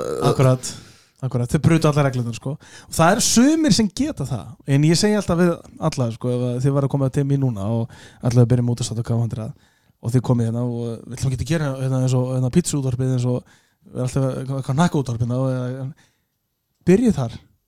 Byrjið að tala minna heldur en lengra. Byrjið á því að búa til formulur útvarp og búið ykkur til ploss svo að þið geti gert öðruvis útvarp. Þú veist, og það var það sem tíu var að gera veist, það, einhverju vissu hverju voru og þess vegna gátuðu left sér að, að fara út fyrir ramman þetta snýst alltaf um honor miles snýst um það, og, og eins og þeir voru að gera þá til dæmis með fósbræður sjóastóttu þeir voru svolítið að fara út fyrir normið. Já, já, Þe- algjörlega. þeirra, þeirra efni var bara þannig að þeir voru svolítið að augra samfélaginu. Og svo, ég meina, Steitnar var sagði, sagði, hann átt að segja það því að sagði þetta í þætti í okkur fyrir löngu síðan að þegar, radíusbræði voru í, í útvarpinu þegar þur, þurfti einhver að greiða eða græja eitthvað að gera og einhver sagði nei þá tölum við bara eitthvað í útvarpinu. Já, akkurat, já, skemmtilegt. Ég hef ekki púlað það. Menn, menn sögðu ekkert neyfið það því að vissu bara að það var hérna. já, og surla yfir því sko. já, og, og, og svo okkar, okkar ástsæli Steindi Junior, hann hann held að hann hefði sagt að hann sagði einhver, einhver tíma að hann hefði átt einhvern skrautlegan hérna út á sferil sko því að hann var með, með efni sem að já hvað sagði hann, bara hann var svona að horfa tilbaka og hugsa bara hvistlas vitleis að þetta var bara. Já, já, segja hvað sem Já, er og gera akkurat, hluti sem já. sem að enginn myndi gera kannski ekki í dag sko. Akkurat. Maður er sjálfur bara þegar maður hlustur á kólinu höfðu bara, nei, hvað? Og heldur maður, heldur maður sé sko búin að sigra heiminn, sko, aðal kallinn tvítur, út að satt á akkurir og ég ætla bara að gera þetta og segja þetta og svo er maður bara hú, hvað var ég að hugsa sko. þetta er allt til einhver stað Þetta er allt til já, maður. En ég hef svo sem uh, þegar ég kom heim frá, frá Breitlandi þá kom ég reyndi að koma með aðeins öðru í þessi stíl þetta en hérna kannski þekktist í íslensk útarpi og minn svona stíl er aðeins óheflaður en, en samt alltaf innan ramma. Ég tala mikið um persónlegt líf og, og svona er persónlegri heldur en kannski það sem gengur og gerist svona á flestum útastöðum en ég reyndi að koma með eitthvað svona nýttinn en, en maður gerir alltaf svona í skrefum sko, þú veist fyrst verður einhverjum kannski átt að segja á því hverju þú ert áður en að ferða sko og blasta öllu framan í þetta, það, það, það er að koma í skrefum. Þetta er aftur sem ég sagði áðan með honor miles, þú verður að ná þér í tíma í loftinu til þess að geta leiftir að brjóta fleiri reglur og brjóta fleiri kassa og brjóta fleiri form sko. en, en allt sem við gerum í útarpinu hjá okkur til dæmis er byggt á alls konar könnunum og strategium og pælingum og þú veist, er- tala um það sko, þú hefur sjö sekundur til þess að fanga aðtekli fólks. Þá var að fara eitthvað annað sko. Þannig að við, við til dæmis vinnum mikið því veist, hvernig getum við opnað hver einustu kynningu eða, eða það sem við erum að gera og við erum búin að ná fólki á sjö sekundum sko og getum við komið öllu sem við þurfum að koma frá okkur á 7 sekundum og farið það aftur í lag það er alls konar svona pælingar sem er í, er í gangi sko. Þannig að við erum búin að missa alla núna Nei, podcast er náttúrulega allt, allt, allt öðruvísu form sko. Já. það er þetta, núna er kannski einhver búin að taka þetta í þremur skömmtum þetta podcast, eins og ég gerir það mikið sko. ég er bara með þetta í gangi með henni, ég er að vaska upp eða, eða elda eða græja eða keira um og svo bara ég á pásu og svo held ég áfram gerir það ekki svo lengri, lengri podcast sko. En Já. K100 er kom, svolítið komið á markaðin sko, og, og fyrsta er langa tíma sem að hefur náð sko, náð sama sama stöðu og hini sem voru er á markaðinu Mhm. Þetta er þólum með þessi vinna. Að sko útvarp er erfistu bransin að koma ný, sem ný stöð inn í. Að því að þegar við hugsa út í þetta þá er útvarp, útvarp er svona mesti lífstilsmiðlin þú, þú heldur ekki upp á þína sjónvastöð þú veist, þú bara horfur á þá sjónvastöð sem er að sína ófærð eða hvað sem er en flestir eru með sína, veist, ég er bylgutýpa, ég er FM-týpa ég, er- ég lusta bara á Exit því ég, en það er okkar, ég lusta á Rástöða því ég, ég, er, ég er hérna fylgist með því sem er gerast í fréttum, ég lusta á Rás 1 vegna sem ég er vel mentaður og vel lesin. Þetta er, fólk tengir sína personu við útastöðunar og svo kemur þú með nýja útastöðin þá þarftu að kynna, þú fyrstilega fór fólk að treysta þér og svo fyrir að hlusta meira og meira og meira og meira og svo fyrir að búa til þinn það sem við kallum P1 uh, P1 hlustundarhópur. Það er það sem að eru svona aðdándur sem að velja útastöðuna nummer 1 og svo eitthvað annað nummer 2 og þetta tekur bara rosalega tíma. Þetta er bara, við erum bara að vinna í lang, langtíma programmi í, í úðarminu sko. Þannig Já, eins og segir að þetta hafa verið svolítið trúabröð þú veist, eins og, Ég- það, er eins bara, og það er ástæður svo þegar maður var yngri Já, þú veist, Exit og, og FM97 sko, og þú veist, þetta var svona uh, þó að margir hlustur alltaf bæði og fleira skilur, en það var þetta svona þú varst svolítið að setja í einhvern flokk, sko, ertu hérna eða þetta, þú þurftur að velja, sko. Já, já. þú hlustaður á bæði, Já. það þurftur eiginlega að segja annað hvort, sko uh, og svo, hérna uh, út af út af saga, hvar, hvar höfum við hana? ég veit ekki. Ég ætla að koma ykkur að sprengja. Já, bara, þú veist er ekki bara uh, svolítið svipað og talstöðunar út í bandaríkjunum sem eru allar svona mjög mikið á hægri vagnum og þú veist, ef við hlustið á talútvarpi í bandaríkjunum þá voru að segna maður sér stendur sko, við, þú veist, það er bara svona Fox News í útvarpinu sko, þannig að hérna, þau eru bara þar skilur, eru að gera það og hérna Svara, Já. sjálfur. Ég ætla ekki- að segja neitt, ég ætla ekki að segja neitt slemt um þau, eru bara að gera Og þeir eru með hérna- sína hlustendur og, sína hlustendur, já. Og, og sinna, sinna þeim, þeim hópi sko Já. Þetta var, í, þetta í, þetta illa sko, Þetta var ljótt sko. Við fáum ekki til að tala illa um neitt í útvars sko, það er allir að gera sína hluti Já, og já. gera það vel í íslensk útvarpi í dag og það er alls konar stöðar, pínu litlar og, og stórar og það er bara hugsið ykkur hvað þetta er lítill markaður það er alveg ótrúlega mikið á útvarstöðum á Íslandi með hvað þetta er lítill markaður sko. en það koma vinni mínu og svo bara já, það er svona margar útvarstöðar sko. Mhm. Ég er P2 hlustandi á K100 held ég. og Pétur, já, Já. þannig að þú er svona setna val Já. já, akkurat, akkurat Veistu hvað fyrsta valið er? nei, er það það með þá? Ég er maður. það er bylgjan, þú ert bylgju Ég er er alveg við sko, K100 liggur svona þarna mitt á milli bylgjunar og FM Já. þannig að veist, við erum að taka hlustundur frá, frá báðum stöðum þannig að það passar vel að þú sett Já. bylgjulustandi og svo ferðu okkur til að fá eitthvað svona aðeins öðruvísi meira, Já. minni alvarleika og meira krydd einhvern veginn sko þannig, þannig er það sko. En hvað er framöndan hjá þér? Fú, já mér? Bara Bara vinna, vinna, vinna, vinna, vinna, vinna, vinna. gera það sem ég elska. Hérna, við erum að fara að hérna, setja hérna, vettadarskan okkur í loftið og, og hérna, við erum búin að vera með svona sumarprogram sem ég fór og var sittis frá 26 og hérna svo kemur bara sumar vettadarskan hún er spennandi og skemmtilega og, Eitthvað sem vilt skúpa? nei, Nei, frábært, gott með Hvað, 9 til 12, þú? Já, það er bara minn, minn tími skilur ég var bara í sumar núna á þessum tíma og, og já. Er ekki gott Ég líka held að aðeins sé að ekki kjaftan eftir ég segi það, ég veit ekki hvort ég megi að ég sé 9-12 sko. Já. Jú, ég held að ég megi alveg segja Er þú ekki dagskrárstjórið hann? Jú, jú, þú veist, já, já, ég ég megi kjafta þessu. Það er enginn að hlusta maður. Nei, það Kóttu bara með já. og minna svo bara, já, fullt af skemmtilegum þáttum í vetur og skemmtilegum músík og gleði, hækka í gleðinni. Það er það hérna, ein- einhverjum orðin okkar sem við erum að að svo bara fullt af spinningi og, og alls konar einhverjir mannfögnuður sem maður er að koma fram á og, Þú ert að veistustýra já, já, ég er að gera það. Já. og bara segi hér með að við vantar veistlustjóra eða einhvern, einhvern til þess að sjá um einhvern viðburð líka alls konar bara svona það sem það er einhvers þar að kynna eitthvað. Það er bara heyri í mér. Þá erst þú besti maður í verkið. Ég hef bara uh, sinni því. Já, já, og Ég og Sæþór komum í spinningtíðin Það er lofur Já, og þið komið í spinning, Já. mikið spinning og, og svo Ekki mikið, við ætlum allar að mæti ég tíma og sjá hvernig þetta virkar. Já, ok, ekki mikið spinning, bara aðeins Eh, spinning Við sjáum til. Og þú ætlaði vantarlega að hérna, fara í einhverja borgarferði til Breitlands að ég veitur að það er ekki nú vont veðri hérna á Íslandi? Já, akkurat, ég ætla að fara til Breitlands og eitthvað meira til útlanda. Mér langar mikið í, meira í bandaríkin þannig að það er svolítið á teknaborðinu núna að fara eitthvað jafnvel inn í dimmustu bandaríkin og keira eitthvað um. Þannig að já, þau svolítið meira eftir sko.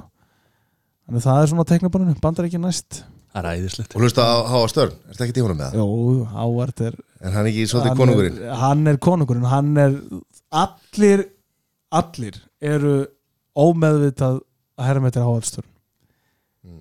af því að ef þeir horfa á einhvern, hafa einhverja fyrirmynd annar staðar þá mjög líklega fyrirmynd þess þáttar eða þáttar eins og þau hafa fyrirmynd Hávaldstörn Já. Hvað er búin að vera lengi, hann er búinn að vera í held ég 40 ár eitthvað kringum það. Hvað er hann gamal? uh, hann er hún 60, 60 plus. Og stór merkur maður og mikill meistari formsins. Og eins og ég segi, hann byrjaði á einhvern lokalstöðum og þurfti að vera í formatinu og þurfti að gera þetta og svo náði hann að brjótast út úr því og búa til sitt en það tók langan tíma. Og uh, hann var síðast á FM tíðinni í New York þangað til svona 2003-2004 var í loftinu þegar ára svona týparaturnar var. Mjög áhugaverð upptaka af því þegar hann var í loftinu þegar árasin var á YouTube. Hveit allar til að lusta fór bara að gera grína þessu fyrst og, og svo leið sko. Og hérna bara að gera þetta á sinn Howard Stern way sko. en núna er á svona satellite radio. Og það gild ekki þessi lögur reglur um, um hérna, það sem gildur um hefðbynda fjölmjöla þar. Hann er með allan dónaskapin og ruglið þar sko, það, pöksin, það borgar fólk áskrift fyrir að lusta á hann. Já. og það er svona áskrift af, af útastöðinni þetta er ein- einu áskrift útastöðinni í heiminum. Það er, það er þessar satellite útastöðar í er- Sí- það Sirius FM hann og Sirius FM og, og svo fullt af öðrum svona, já, já. Þannig Já, Kanadar hafa líka verið svolítið strangi með reglur já talsmáta Kanada og, og breytanir líka. Líka. Já, ég sagði einu sinni shit í mor ég var með morgun þátt uh, á lokalstöðu og, og við erum helgar frá 7-10 og ég sagði einu sinni shit, I know my shit. Og ég var í kviðkasti þrjá mánuði yfir því að það verði einhver aflengar að ég geti geta fengið þúsund punta sekt uh, stöðin verið sekt uh, alvarleg brot geta stöðin verið tekin á loftinu svoleiðis að, að hérna, það, er, það er mjög hart tekið á Shit. Já, shit. Þannig að ég gleymi því ekki, ég gleymi ekki þessum orðin ég segi, I know my shit.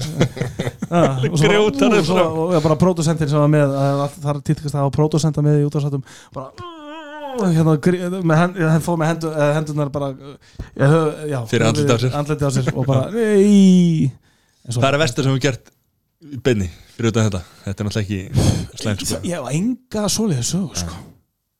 ég bara, nei. Ég ekki þessum orðum þá kveði ég við þeim Nei, alveg, ég, ég, á ein- ég hef ekki lent í neinum vandrarlegum erfiðum ögnumleikum það er ótrúlegt á þessum langa tíma. já. já, aldrei.